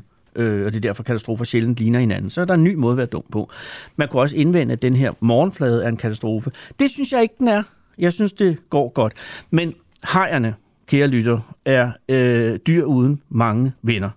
Øh, siden Jaws, eller Dødenskab, som den jo også fik så smuk en dansk titel, øh, 1978 mener jeg, med Steven Spielberg, øh, ødelagde jo øh, rygtet for hajer øh, godt eftertrykkeligt. Ikke at det var særlig godt i forvejen, men at hajer øh, blev efter dødenskab til nogle dødsmaskiner, øh, som man bare skal passe på og sørge for at slippe af med. Her især øh, den frygtelige hvidhaj, som er forfærdelig, fordi den er så stor og så hajagtig. Øh, så der har været nogle øh, slemme år for hajer, og øh, øh, det fortsætter jo sådan set hver gang, at de er ved at, at komme op igen, så øh, er der en ny episode, øh, og så får hajerne en tur gennem maskinen. Jeg ved ikke, om, om vi har øh, forbindelse til Rune Christiansen fra Kattegasserien. Det har vi, kan jeg se. Rune, velkommen. Ja, tak. Og tillykke med de nye øh, zebra øh, løblephajer. Hvad hedder de nu? Ja, zebra hornhajer. Hornhajer, tak skal du have. øh, det er jo noget af en sensation. Ja, det, øh, den kom øh, vidt omkring, så det er vi både stolte og glade for. Du er øh, biolog ved Kattegat-centret, øh, som jo netop ja. har kunnet offentliggøre de første øh, zebra-hornhajer, øh, unger, øh, som i hvert fald dokumenteret er, er opdrettet i Europa. Det er ikke korrekt? Jo, det er rigtigt. Øh, hvordan gjorde I? At det er jo dem, der har gjort det, men I har faciliteret det på ja, en måde. I har, I har været heldige. Ja, Ja, og, og det er jo en, altså et, et tilsigtet mål, i og med at vi i 17 øh, fik et juvenilt potentielt par hjem i hvert fald, han og hun. Mm. Øh, det er jo ikke fordi, at de sådan øh, øh, danner par, men altså så havde vi da i hvert fald øh, fundamentet til, at der kunne øh, øh komme et avlsprojekt ud af det. Ja. Og så gik vi og ventede på, at de blev kønsmodne, og det har de så været her for et halvt år siden, hvor de fem æg kom ud, og de har så været et halvt år om at ruge ud nu her i beskyttede forhold, og så kom de første to ud i søndags. Hold da kæft. Øh, ja. Og det er, øh, det er jo en dræbermaskine, der er kommet ud der. Mm, ja, det er det for nogen. Altså, hvor mange, Men altså... nu, altså, hvis vi tager zebra øh, hvor mange mennesker dræber den om året? Øh, den har ikke nogen liv på samvittigheden. Og øh, vi har jo over de her 500 forskellige hajarter, og øh, øh, over halvdelen er jo ikke øh, øh, øh, mere end, end, end øh, to meter lange. Nej. Så vi har altså en stor gruppe af hajer, som er små og ganske ufarlige for mennesker, og der tilhører zebramunden en af dem. Modsat. Så det er altså en haj på en meter og 25 max. Øh, Men stadig så... et aggressivt bæst går ud fra? Nej, slet ikke. Det er jo en, en, en, en, fisk i, i dyregruppe og bundlevende, så det meste af tiden, sådan øh, 95 procent af tiden, der ligger den bare nede på bunden. Mm. Øh, og så er den ude mest nataktiv, ude at søge efter krabstyr, mindre fisk, og dens tandsæt, i og med den bundlevende haj, er jo ikke en dræbermaskine tandsæt, ligesom hvidhajens med store, trekantede, savtakkede tænder. Ja. Det er nogle små knusetænder til at knuse de her krabber og øh, languster og sådan noget, som man kan få suget ind i, og søpindsvin også. Oh. Så hele munden er broderet med, med, med flade tænder. Men Rune, hvis jeg, hvis jeg lå på bunden ved siden af et søpindsvin, så kunne den da godt altså, tage min arm, ikke? Slet ikke. Den har nok en, selv som fuldvoksen en, en, en mundstørrelse, hvor ja, 5-6 cm i, uh, i diameter. Så, uh, du tage min datters arm? Ja, eller en lillefinger eller sådan noget. Okay, så Men, det er en øh, haj, der dræber børn. Fint. Men altså, hvis vi så går op i de store hajer, så er der altså det, man kaldte menneskehajen i gamle dage. Ja, øh, altså, der den er store jo, hvide haj. Den store ja. hvide haj, øh, og så er der tyrehajen, og så er der, mm. hvad er der ellers af dræber, altså dokumenterede dræbermaskiner derude? Top 3 er jo øh, ved de her hajulykker. Ja. Øh, der er hvidhegn som nummer 1. Ja. Vi har en øh, øh, tigerhaj og tyrehaj. Og ja. De, ja, det er top 3. Og øh, ofte så de her ulykker, der sker, så får man jo ikke identificeret hajen, så finder man ud af, at det er en haj. Ja. Så der er nok en del mis, øh, arts misforståelser og identifikationer der. Og man regner faktisk med, at tyrehegn sådan i sorte tal øh, øh, er nummer et. Også fordi den er øh, videre udbredt og kan faktisk trække op i ferskvand. Så øh, nogle af de dødsfald, som man måske ikke hører så meget om, op i de forskellige store floder i, i Sydamerika, Amazonas, øh, de amerikanske floder, Mississippi og, og, og også i, i Asien, jamen så øh, er det tyrehegn, der har været på spil. Øh, de trækker simpelthen op og føder ungerne, og indtil de bliver store nok, jamen så, øh, så kan der ske ulykker i det her brune, grumsede vand. Og, og det er svært at finde ud af, om ja. hvad, der, hvad der er sket. Hvor stor bliver en tyrehej? Så snakker vi 3,5-4 meter, 3,5 meter, ja. Okay, det er ja, altså en, en, det, det er en varevogn. Det er en varevogn. Ikke ja. fordi den er så stor øh, som hvidhajen, øh, som er den største øh, øh, predatoriske haj. Ja. Øh, på de her 5,5, måske 6 meter. Øh, og et par ton. Øh, så det er jo sådan en, øh, en, en mindre lastbil, der kommer ja. øh, med 40 km i timen mod en. Hvor, øh, hvor tyrehajen her, det der gør den lidt speciel og lidt mere måske også potentielt aggressiv, det er, at den øh, har testosterontal i blodet, altså mandlig kønshormon, ja. som øh, giver en vis aktivitet. Okay. Øhm, det svarer sådan lidt til øh, en handelefant i must, og sådan en skal man ikke komme alt for tæt på, sådan en handelefant der, fordi den er nærmest sindssyg af alle de hormoner, der løser rundt i blodbanen på den. Det og det samme gælder sådan lidt konstant for en tyrehej. Så en tyrehej er hele tiden mildt ophidset? Ja, det, det er i hvert fald altså, et hormonelt baggrund øh, for det i hvert fald, for at kunne forklare lidt, hvorfor den øh, skulle være men, men ekstra. Jo mere, jo mere øh, folk be, befolker havene, jo flere øh, ja. nærkontaktepisoder er der jo også mellem øh, hajer og også disse tre, øh, så man sige, menneskeædende mm. hajer og mennesker. Øh, og jeg ser jo ikke andet på Instagram end, end folk, der, der klapper øh, hvidhajer øh, på, på, på snuden, og de er noget, altså det er svært at se hajen som, som den dræbermaskine, øh, den er blevet beskrevet som. Hvor mange dør, ved man det? Altså er der opgørelse, hvor mange mennesker bliver dræbt af hajer om året? På, altså, er ja. der på det? Ja, det er. Det er der. der er, øh, I Florida Museum har øh, den internationale Shark Attack File, øh, som er den internationale verdensomspændende øh, database for øh, hajulykker og hvad der ender fatalt også. Ja. Og øh, de sidste 25 øh, gennemsnit, så har vi omkring de her 50-100 ulykker plejer vi jo gerne at formidle det samme, så det ikke er, er angreb, fordi det er jo ofte misforstået øh, angreb og ulykker, ja. hvor det så kan ende fatalt, fordi vi er så skrøbelige. Øh, vi kan ikke lige tåle at miste en arm eller blive bidt lidt i Nej. af en hej. Og den undersøger med bisserne, så øh, det, kan, det kan ende ende galt. Men altså, sidste år i 2021, øh, opgørelsen der, der har været 73 øh, ulykker, og hvor ni har været fatale, altså og da opdeler man dem i provokerede og uprovokerede angreb. Okay. Så man kan være lidt selv skyld i det, hvis det er netop er, som du siger, står her en hvidhaj på næsen. Altså, så går den altså ind i de øh, øh, provokerede angreb. Så har man selv interageret så meget med, med hegn eller fiskerisituation eller et eller andet, hvor man så bliver bidt og dør af det. Så de er delt op på den måde. Så øh, Men du, du der siger, sidste år. 9 ud af Ni mennesker. 7,7 milliarder mennesker, det er, det er okay. Det er, Forsvindende lille. Det er relativt Forsvindende lille. Hvor mange Ja. ja. hajer tror du, der er røget sidste år? Altså for mennesker. Er der opgørelser Ja. ja. i de her tre grupper? Jeg tænker hvid haj, tyrehaj, øh, tigerhaj. Ikke lige de her tre, og de er jo som udgangspunkt, hvidhegn er jo øh, beskyttet øh, på flere fronter, og det er der sådan set mange hajer, der er. Men, Men så, øh, hvis vi tager alle hajer, fordi det er jo alle hajer, der Ja. ja. er under angreb, kan man sige. Jamen lige præcis, og øh, de har jo også en biologi, det er svært at, at genetablere sig selv.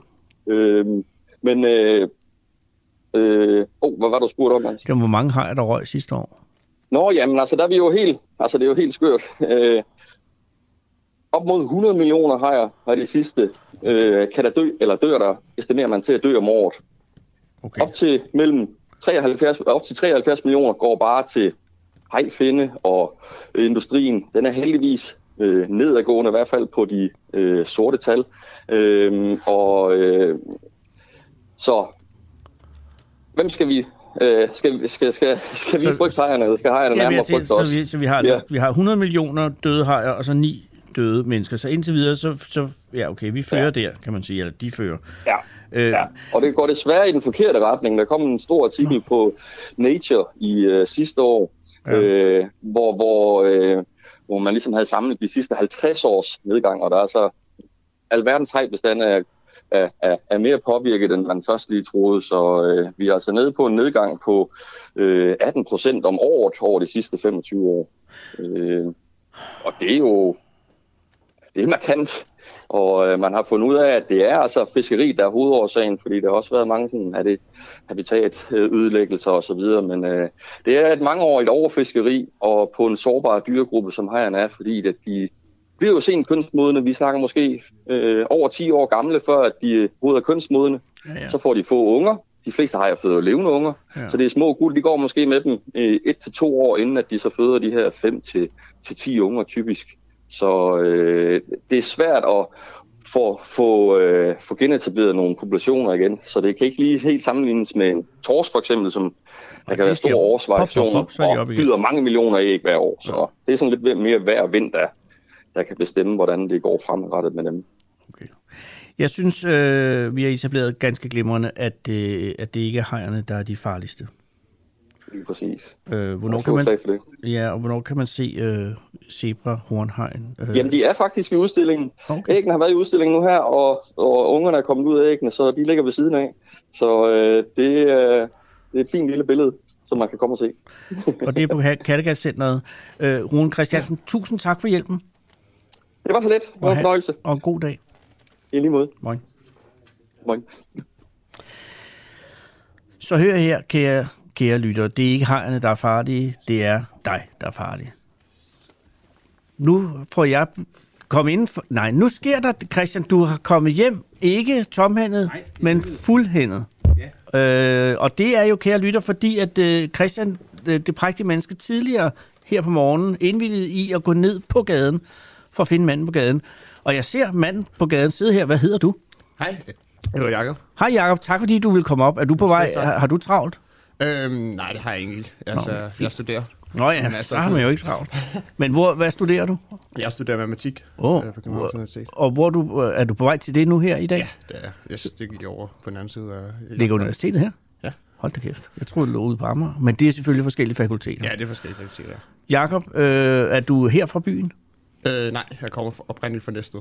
Og, og hvad bragte dig til, var det studien, der har bragt dig til byen? Ja, det var, øh, ja, fordi jeg skulle gæs. Ja. Åh, oh, gud. Og det går, går, hvor mange år er du inde? Jeg er på fjerde år nu. Gud, så er du snart færdig jo. Eller hvad? Altså, nej, nej, så kommer jeg jo til at udskyde lidt og sådan noget. Så jeg, skal, jeg er i gang med min bachelor nu, øhm, så jeg burde jo være færdig med den. Men, du, men hvad er bachelorens emne? Øhm, det handler faktisk om, øhm, hvor meget fans påvirker udfaldet af en fodboldkamp. Statistik. Meget interessant. Yes. Og hvad er du nået frem til indtil videre? Indtil videre har jeg jo kun været i gang i en uge, så jeg er ikke nået frem til noget som helst. Okay, så du, øh, men hvor meget påvirker fans udfaldet på en, en øh, sportsbegivenhed eller et fodbold specifikt? Altså specifikt fodbold. Øhm, men, altså, Men de kan jo løbe ind på banen og påvirke. Det er ikke sådan, du Nå, tænker på? Nej, nej, det er ikke sådan, jeg tænker. Jeg tænker mere hjemmebanefordelsmæssigt. Åh. Øhm, om, der er, altså, om der er noget at hente der. Og hvor... Jesus, hold da. Det er jo mikrofonen, der stikker af.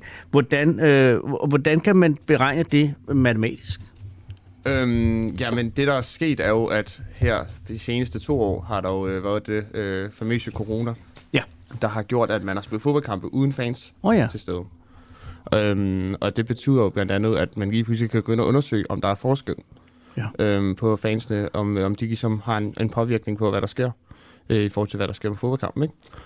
Øhm, så nu har man ligesom noget data, som man aldrig har haft før, hvor man kan sammenligne øh, en fodboldkamp med fans og uden fans. Aha, aha. Og nu har du ikke rigtig nået så langt, så du kan ikke sige øh, noget om, men har du en formodning om, hvad resultatet vil blive? Ja, altså, jeg har jo, der er jo nogle andre, der har undersøgt det før mig. Nå. Øhm, som, øh, som er det, jeg tager udgangspunkt i. i en, Men en, vi står alle på skuldre og kæmper. Ja, lige præcis. Øhm, som de har jo, altså deres, øhm, det jeg skal vise, at deres resultat, mm. som er, at der faktisk er øh, forskel ja. øhm, på, om der er fans eller ej. Hvilket også er det, man formoder, ikke? Ja, ja, ja. Og ellers vil det også være ærgerligt som fan, hvis det viser sig, at det overhovedet ikke giver noget. Ja, lige præcis. Ja. Øh, er du selv fodboldfan? Ja, det er jeg. Hvem er din favoritklub? Øhm, det må være Brøndby. Okay, jamen det skal man ikke. Øh, det skal man ikke. Men Næstved har da ellers haft en, en stor øh, historie i fodbold. Ja, det har de. Det har de Men godt så nok. gik det ja. ligesom galt, eller hvad? Ja, det er, øh, jeg har ikke fulgt super meget med i Næstveds øh, fodboldhistorie, men jeg har, min far har jo begavet mig om masse der. Så. Men du er, flyttet herind. Hvor gammel er du, hvis jeg må spørge? Jeg er 24 år. Okay, og er du, øh, bor du øh, alene? Øh, nej, jeg bor sammen med en studiekammerat. Oh, øh, men ikke en kæreste? Altså, Nej, ikke det, nogen det er ikke en kæreste, nej. Øh, men, men er det svært at have en intensiv karriere som øh, studerende inden for matematik, og så have et øh, privatliv med en kæreste ved siden af, og familie? Nej, det er der, der masser, der gør, tror jeg. Øhm, Men du har valgt koncentreret om studierne? Øhm, ja, det er, jo, det, er bare for, det er jo bare, fordi jeg ikke har mødt nogen. Der er ikke øh, Nå, men Jacob, jeg ikke, øh, forholdsvis sikker på, at det også er et valg, fordi altså, du siger, at, jeg, vil, øh, jeg vil koncentrere mig om det her. Ja, og det er jo selvfølgelig, altså det er jo, min første prioritet er jo helt klart studier. Det er Ja. ja. ikke nogen tvivl om. Hvad vil du bruge det til? Det er et godt spørgsmål. Mm, øhm, men det, jeg håber, du ikke rigtig er klar over det. Ja, det er jeg heller ikke. Oh, godt. Nej. Og, ja, så jeg synes jo bare, det er sjovt at nørde med tal og statistik og så videre og så videre. Men hvor tidligt, altså for mig, fordi tal var vanvittigt for mig, fordi at, øh, jeg ved ikke hvorfor, men det, jeg kunne ikke helt finde ud af matematik, så jeg er meget fascineret af mennesker, som bliver tiltrukket af tal. Hvor tit, eller hvor tidligt opdagede du, at du var glad for tal? Det er et godt spørgsmål. Jeg tror, øhm, efter min... Øh, altså, ej, jeg, jeg har hele tiden haft en, øh, et fjerde for matematik igennem hele folkeskolen. Mm. Og fik tit at vide med matematik, at jeg skulle sætte barn højere op, fordi at det var, jeg synes jo, det var pisse nemt det hele. Ja. Og så, øhm, da jeg ligesom ramte gymnasiet, så havde jeg, jeg gik på musiklinje på gymnasiet faktisk. Øhm, Som jo umiddelbart er langt fra matematik. som umiddelbart er rigtig langt for matematik. Øhm, men der fandt jeg jo lige pludselig ud af efterhånden på de tre år der, at øh, det, det, jeg glæder mig til at komme op og, og lære om, det var matematik. Øhm, så det opgraderede jeg stille og roligt igennem gymnasietiden. Og så var det ligesom det, at jeg tænkte, det var den vej, jeg skulle. Og hvad er det med matematikken, som gør dig glad? Jeg tror, det er det der med, at jeg ser, altså sådan ma- matematiske hvad hedder det, problemer er sådan, det er lidt ligesom et puslespil. Mm. Altså det er sådan, at du skal, øh, du, du har ligesom et eller andet problem foran dig, og det skal du løse på en måde. Og der har du ligesom alt mulige værktøjer at trække fra i forhold til, hvad du har prøvet at se før, og så videre, og så videre. Og så er det bare at prøve dig frem. Og så ligesom, Og er der nogen, altså, øh, fordi det som, når jeg hører nogle mennesker, der er glade for matematik, så er det, at den, den der overskuelighed, øh, at der er et rigtigt svar, og der er en løsning, og det er det, som gør en så, så glad i forhold til at virkeligheden udenfor kan være meget kaotisk. Ja. Er det den samme oplevelse, du har? Øhm, ja, det, det synes jeg. Jeg synes også, at, at det, hvad hedder det, øhm, handler meget om, at, at det, ja, det er den der succesoplevelse, ikke? Altså sådan, når det er, at du ligesom har kæmpet med et eller andet problem i lang tid, og så er det lige pludselig gået op for, altså går op, det hele går op i en højere enhed. Det er, det er den oplevelse, man, øh, man, man ligesom hele tiden... Jamen det er jo det, jeg kan øh, godt sige, jeg vil enormt gerne kunne, altså kunne løse et problem, er jo, er jo en fantastisk oplevelse. Mm. Fordi man, man kan mærke, at man, nu så kan man ane en løsning, og sidst så kan man se den, og så er den der. Øh, og, så, og så kan man sætte hak ved det. Og det er der næsten ingen andre ting i hele tilværelsen, som, som kan opfylde. Nej, øh, og, og derfor, jeg vil bare... Men, men, men, øh, men jeg, jeg faldt fra på integralregningen. Ja. Og, og det var jo... Øh, men det er også fordi, jeg gik i skole i 70'erne, hvor det hele skulle være meget relevant, og der var der en stor bevægelse i, i skolen om, at hvad kan det her bruges til?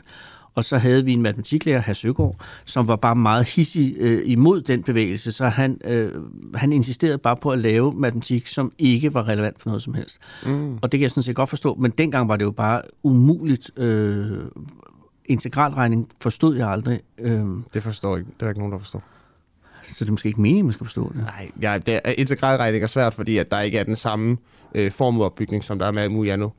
Øhm, der er ligesom i alle mulige andre grene af matematikken, der er ligesom deciderede formler, du kan gå ind og hente hele tiden, Mhm. mm-hmm. øh, sådan mere generelle ting. Hvor integralregning er lidt sværere, fordi det er den anden vej, du går i mat- mat- matematikken, kan man sige. Du går baglæns. Hvordan? Det forstår jeg. Oh, jeg Nej, jeg forstår altså, det bliver meget teknisk, hvis jeg går mere ind i det, men det pointen er, at der ikke på samme måde er en formel, du kan hente hele tiden, uanset hvad du får. Ah. Så det, det, er også, det er også, altså integralregning er er noget svært noget. Det er det. Tak. Hvad er din yndlingsformel? Min yndlingsformel? Ej, det er et godt spørgsmål. Øhm... Oha. Det må... Ja, hvad fanden er det? Det, det, det, det, det ved jeg sgu ikke.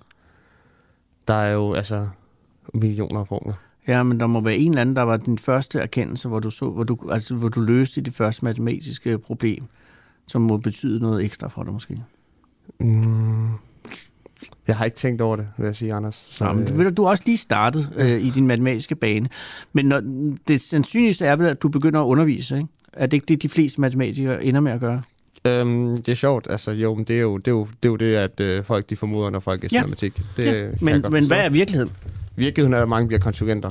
Øhm, Konsulenter? Ja. For hvem? For alle, altså IT, meget, meget IT-branchen, ikke? Ah, på den måde. Den er levende, den der Ja, arm den, der. det, undskyld, jeg skal også undskylde til lytteren. Det er mikrofonen, der er levende. Øhm, ja, altså, øhm, der er mange, der bliver konsulenter. I, i, rigtig mange inden for IT-branchen. Øhm, I forhold til noget IT øh, og alt muligt pjat. Ah. Der. Men der er også øh, mange gymnasielærere der også. Men der er rigtig meget mangel på matematik-gymnasielærere. Har du øh, ambitioner i nogle af retningerne? Øhm, jeg er jo faktisk lige selv øh, gymnasielærer øh, her i sommer. Du er gymnasielærer? Jeg er gymnasielærer, ja. Jakob for helvede. Ja. Det er jo et helt ny øh, ballgame. Ja. Hvordan er det? Øhm, det er meget sjovt. Det er det virkelig. Det er også skræmmende, ikke? Jo, det var, det var meget... Fordi du er en ung mand, 24 år, og så går du ind til nogle andre unge mænd og kvinder på 18-17 år. De er jo præcis, ja. stort set jævnaldrende. Ja, der er ikke meget forskel, nej. Hvordan Ja. laver du autoritet i sådan en klasse? Jeg synes faktisk, det er gået okay. Øhm, nu har jeg prøvet at undervise både på universitetet og i folkeskole før. Wow. Øhm, ja, så, så på den måde har jeg ligesom stået foran en kæreste før, og jeg har stået og skulle være mig, der skulle sige noget. Så det, det gik egentlig okay, men det var da godt nok, altså den første dag, der, der, der var ikke meget søvn, vil jeg sige, øh, inden, inden jeg skulle ind der. Nej, og, men, og gik det godt? Ja, det synes jeg, det synes jeg. Så det kunne godt være sådan noget, at du kunne fristes til at, at forfølge senere? Øhm, ja, altså som udgangspunkt, så tror jeg, det er noget, jeg først vil senere og senere. Altså sådan, hvis Ja. det giver mening? Ja, ja. Øh, men, det er men også, helt klart. Forskningen er også en vej. Præcis, ja. Mm. Men er du, øh, er du glad for øh, det, du laver? Er du, er du tryg ved dit liv? Er, fungerer det? Er det er, er, har du nogle problemer? Noget, du vil have sagt her i radioen? Så er det nu. Ja, nej, jeg synes godt det kører. Ja, Øh, vil du gerne have en familie på et tidspunkt? ja selvfølgelig vil jeg det. Jamen, det er Ja. ikke selvfølgelig. Der er også mange... Altså, over halvdelen af danskerne bor alene, så du er jo en del af en majoritet. Nå, ja, okay. Øh, men, men det kunne godt være, at, at, at der er jo nogle mennesker, der tænker, ja, det bliver ikke for mig. Men, men du vil gerne have en familie på et tidspunkt. Ja, det vil jeg gerne. Øh, er, du, er du bekymret over for verdens udvikling? Ja, det, det er altså... Øhm, altså klimakrisen er da selvfølgelig noget, der er, jeg, jeg, jeg tænker på dagligt næsten, altså. Ja. På en eller anden, en eller anden måde, ikke? Ja, Og, øh, og det, er, det er den store... Øh, ja det er, den, ja. Det Og, er og, den store bekymring. og, og krigen i Ukraine, er det noget, som du tænker over? Ikke så meget mere, øh, vil jeg sige. Øhm, og det er, jo det, det er jo det farlige ved, hvordan vores nyhedskigger fungerer, synes jeg. Sådan er det. Der er ikke, og der er jo også en sultkatastrofe i Somalia, kan jeg oplyse dig om. Ja, det er det. Og, ja. og den er jo også svær. Der, så er der oversvømmelserne i Pakistan, som også er svært at få råbt op om. Øh, men, men, men generelt tænker du, at verden er øh, på vej i en ret, rigtig retning, eller tænker du, at det her er på vej mod afgrunden? Uff, det er et stort spørgsmål. Det er det, og jeg er helt ikke- sikker på, at jeg selv kan svare på det. Du kan, du Men du er jo ung og øh, har indsigt i, i, i matematik, og på den måde ved du noget om logikken i verden. Ja. Og så kan du måske også bedre forestille dig, om, om vi alt i alt kører i den rigtige retning, eller om, om vi er på vej mod katastrofen. Altså jeg tænker, for mennesket jeg er sikker på, at jorden skal nok klare sig. Ja, ja, nej, jorden skal jo helt klart nok klare sig, ja. Jeg synes, altså, apro- altså i forhold til klimakrisen, Ja. så synes jeg, der bliver snakket for meget og gjort for lidt. Ja, men det tror jeg, at, Altså- at mange mennesker er enige om, at stadig Ja. sker der jo ikke rigtig noget. Nej, det er det. Men for 10 år siden, der var vi stadig i gang med at diskutere, om der var en, og det er jo meget få, der gør det. Så på den måde, så Ja. skal man også tænke på, at det går faktisk også det er en rigtig retning. Spørgsmålet er, om ja. det er hurtigt nok. Det er det, der er det store spørgsmål. Ja. Men selv i den aller værste scenario med klimakrisen, er der jo en sandsynlighed for, at menneskeheden kan overleve. Mm. Bare under andre og mere udfordrende forhold, kan man Ja. sige. Men er du, øh, er du ked af, at du er født på det her tidspunkt i verdenshistorien? Vil du hellere have været født i en anden tidsalder? Hmm. Altså hvis du havde valget, fordi det her er jo, altså det er jo en spændende tid på den måde, at vi har muligheden for måske at begynde at kolonisere andre planeter. Det er lidt tidligt for det, der skulle du nok være født om 100 år eller Ja. 50 år. Ikke? Mhm. Men for, for 200 år siden, så kunne du have været med til at opdage nye øh, kontinenter. Så, så, så man bor, altså, vil, at, vil du hellere, jeg ville for eksempel rigtig gerne have været født i 1500-tallet, hvor alting var et mysterium, men så på den anden Ja. side ville jeg ikke leve længere end, jeg vil ikke blive født, for jeg er født ved kejsersnit, og det var ikke opfundet. Så på den måde er der hele tiden nogle, Ja, der er problemer. ikke? men, Ja. men er du tilfreds med øh, det, du har fået? Altså, jeg synes, at den tid, jeg er født i og lever ikke i nu, det er en meget privilegeret tid. Mm. Og det, det kan jeg kun være taknemmelig for. Altså, at jeg som ung menneske kan få lov til at gøre næsten, næsten lige, hvad jeg vil, ikke? Ja. Altså, der er ikke... Jeg, altså, jeg har gået den vej, jeg gerne vil, og jeg har fået den, de rejser, jeg gerne vil ud på, og jeg kan rejse, når jeg vil, og Ja. ja altså, der er, og der er så meget støtte at hente fra alle mennesker, og fra staten, og fra alt muligt. Altså, der er, så jeg, jeg, jeg, jeg føler mig mega privilegeret i den tid, jeg lever i. Ja. Jeg er glad for, at du gider at, studere matematik. Ja. Og jeg, jeg er ret sikker på, at det, at det nok skal gå godt. Er du enebarn? Nej, jeg har tre søskende. Åh, oh, gud. Er de store søskende? To storesøstre og en, lille- en øh, lille søster også, ja. Og så du har du kun søstre? Nej, jeg har en storbror også. En Åh. storbror, en storesøster og en lille søster. Åh, oh, gudskelov. Yes. Øh, for jeg skulle det godt blive udfordret. Og hvad laver dine forældre?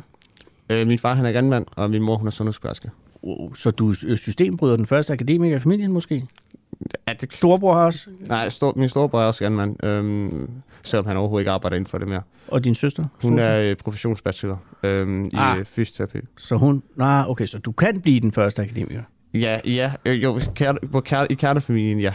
Nå, jamen, det er ja, den, vi taler ja, om. Yes. Jakob for helvede, du har kæmpe å på dine skuldre. Du må ikke skubbe. Hvad laver lille søster? Hun skal selvfølgelig være kunstner. Øh, nej, hun sig også øh, på Københavns Universitet i molekylær biomedicin. Så hun er lige toppet mig. Øh, vil du ikke uh, hilse dem alle tre? Det skal jeg nok Og så gøre. tusind, tusind tak, fordi du gad at komme herind. Selv tak. Øh, og nu skal du hen i skole. Og, jamen, det er en stor privilegium. Jakob, have en god dag. Ikke i måde. Tusind tak. Ja, og kære lytter, nu er vi altså derhen, og der er 20 sekunder tilbage af programmet, og jeg har nu øh, sagt tak til, til Jakob. Ja, hvad hedder du efternavn? Larsen. Jakob Larsen fra Næstved, søn af landmand og sundhedshjælper, øh, som ikke kan gøres bedre, mine damer og herrer. Tusind tak, fordi du har hørt med.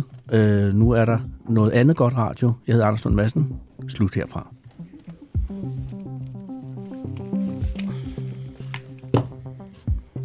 Tak for hjælpen, Jakob.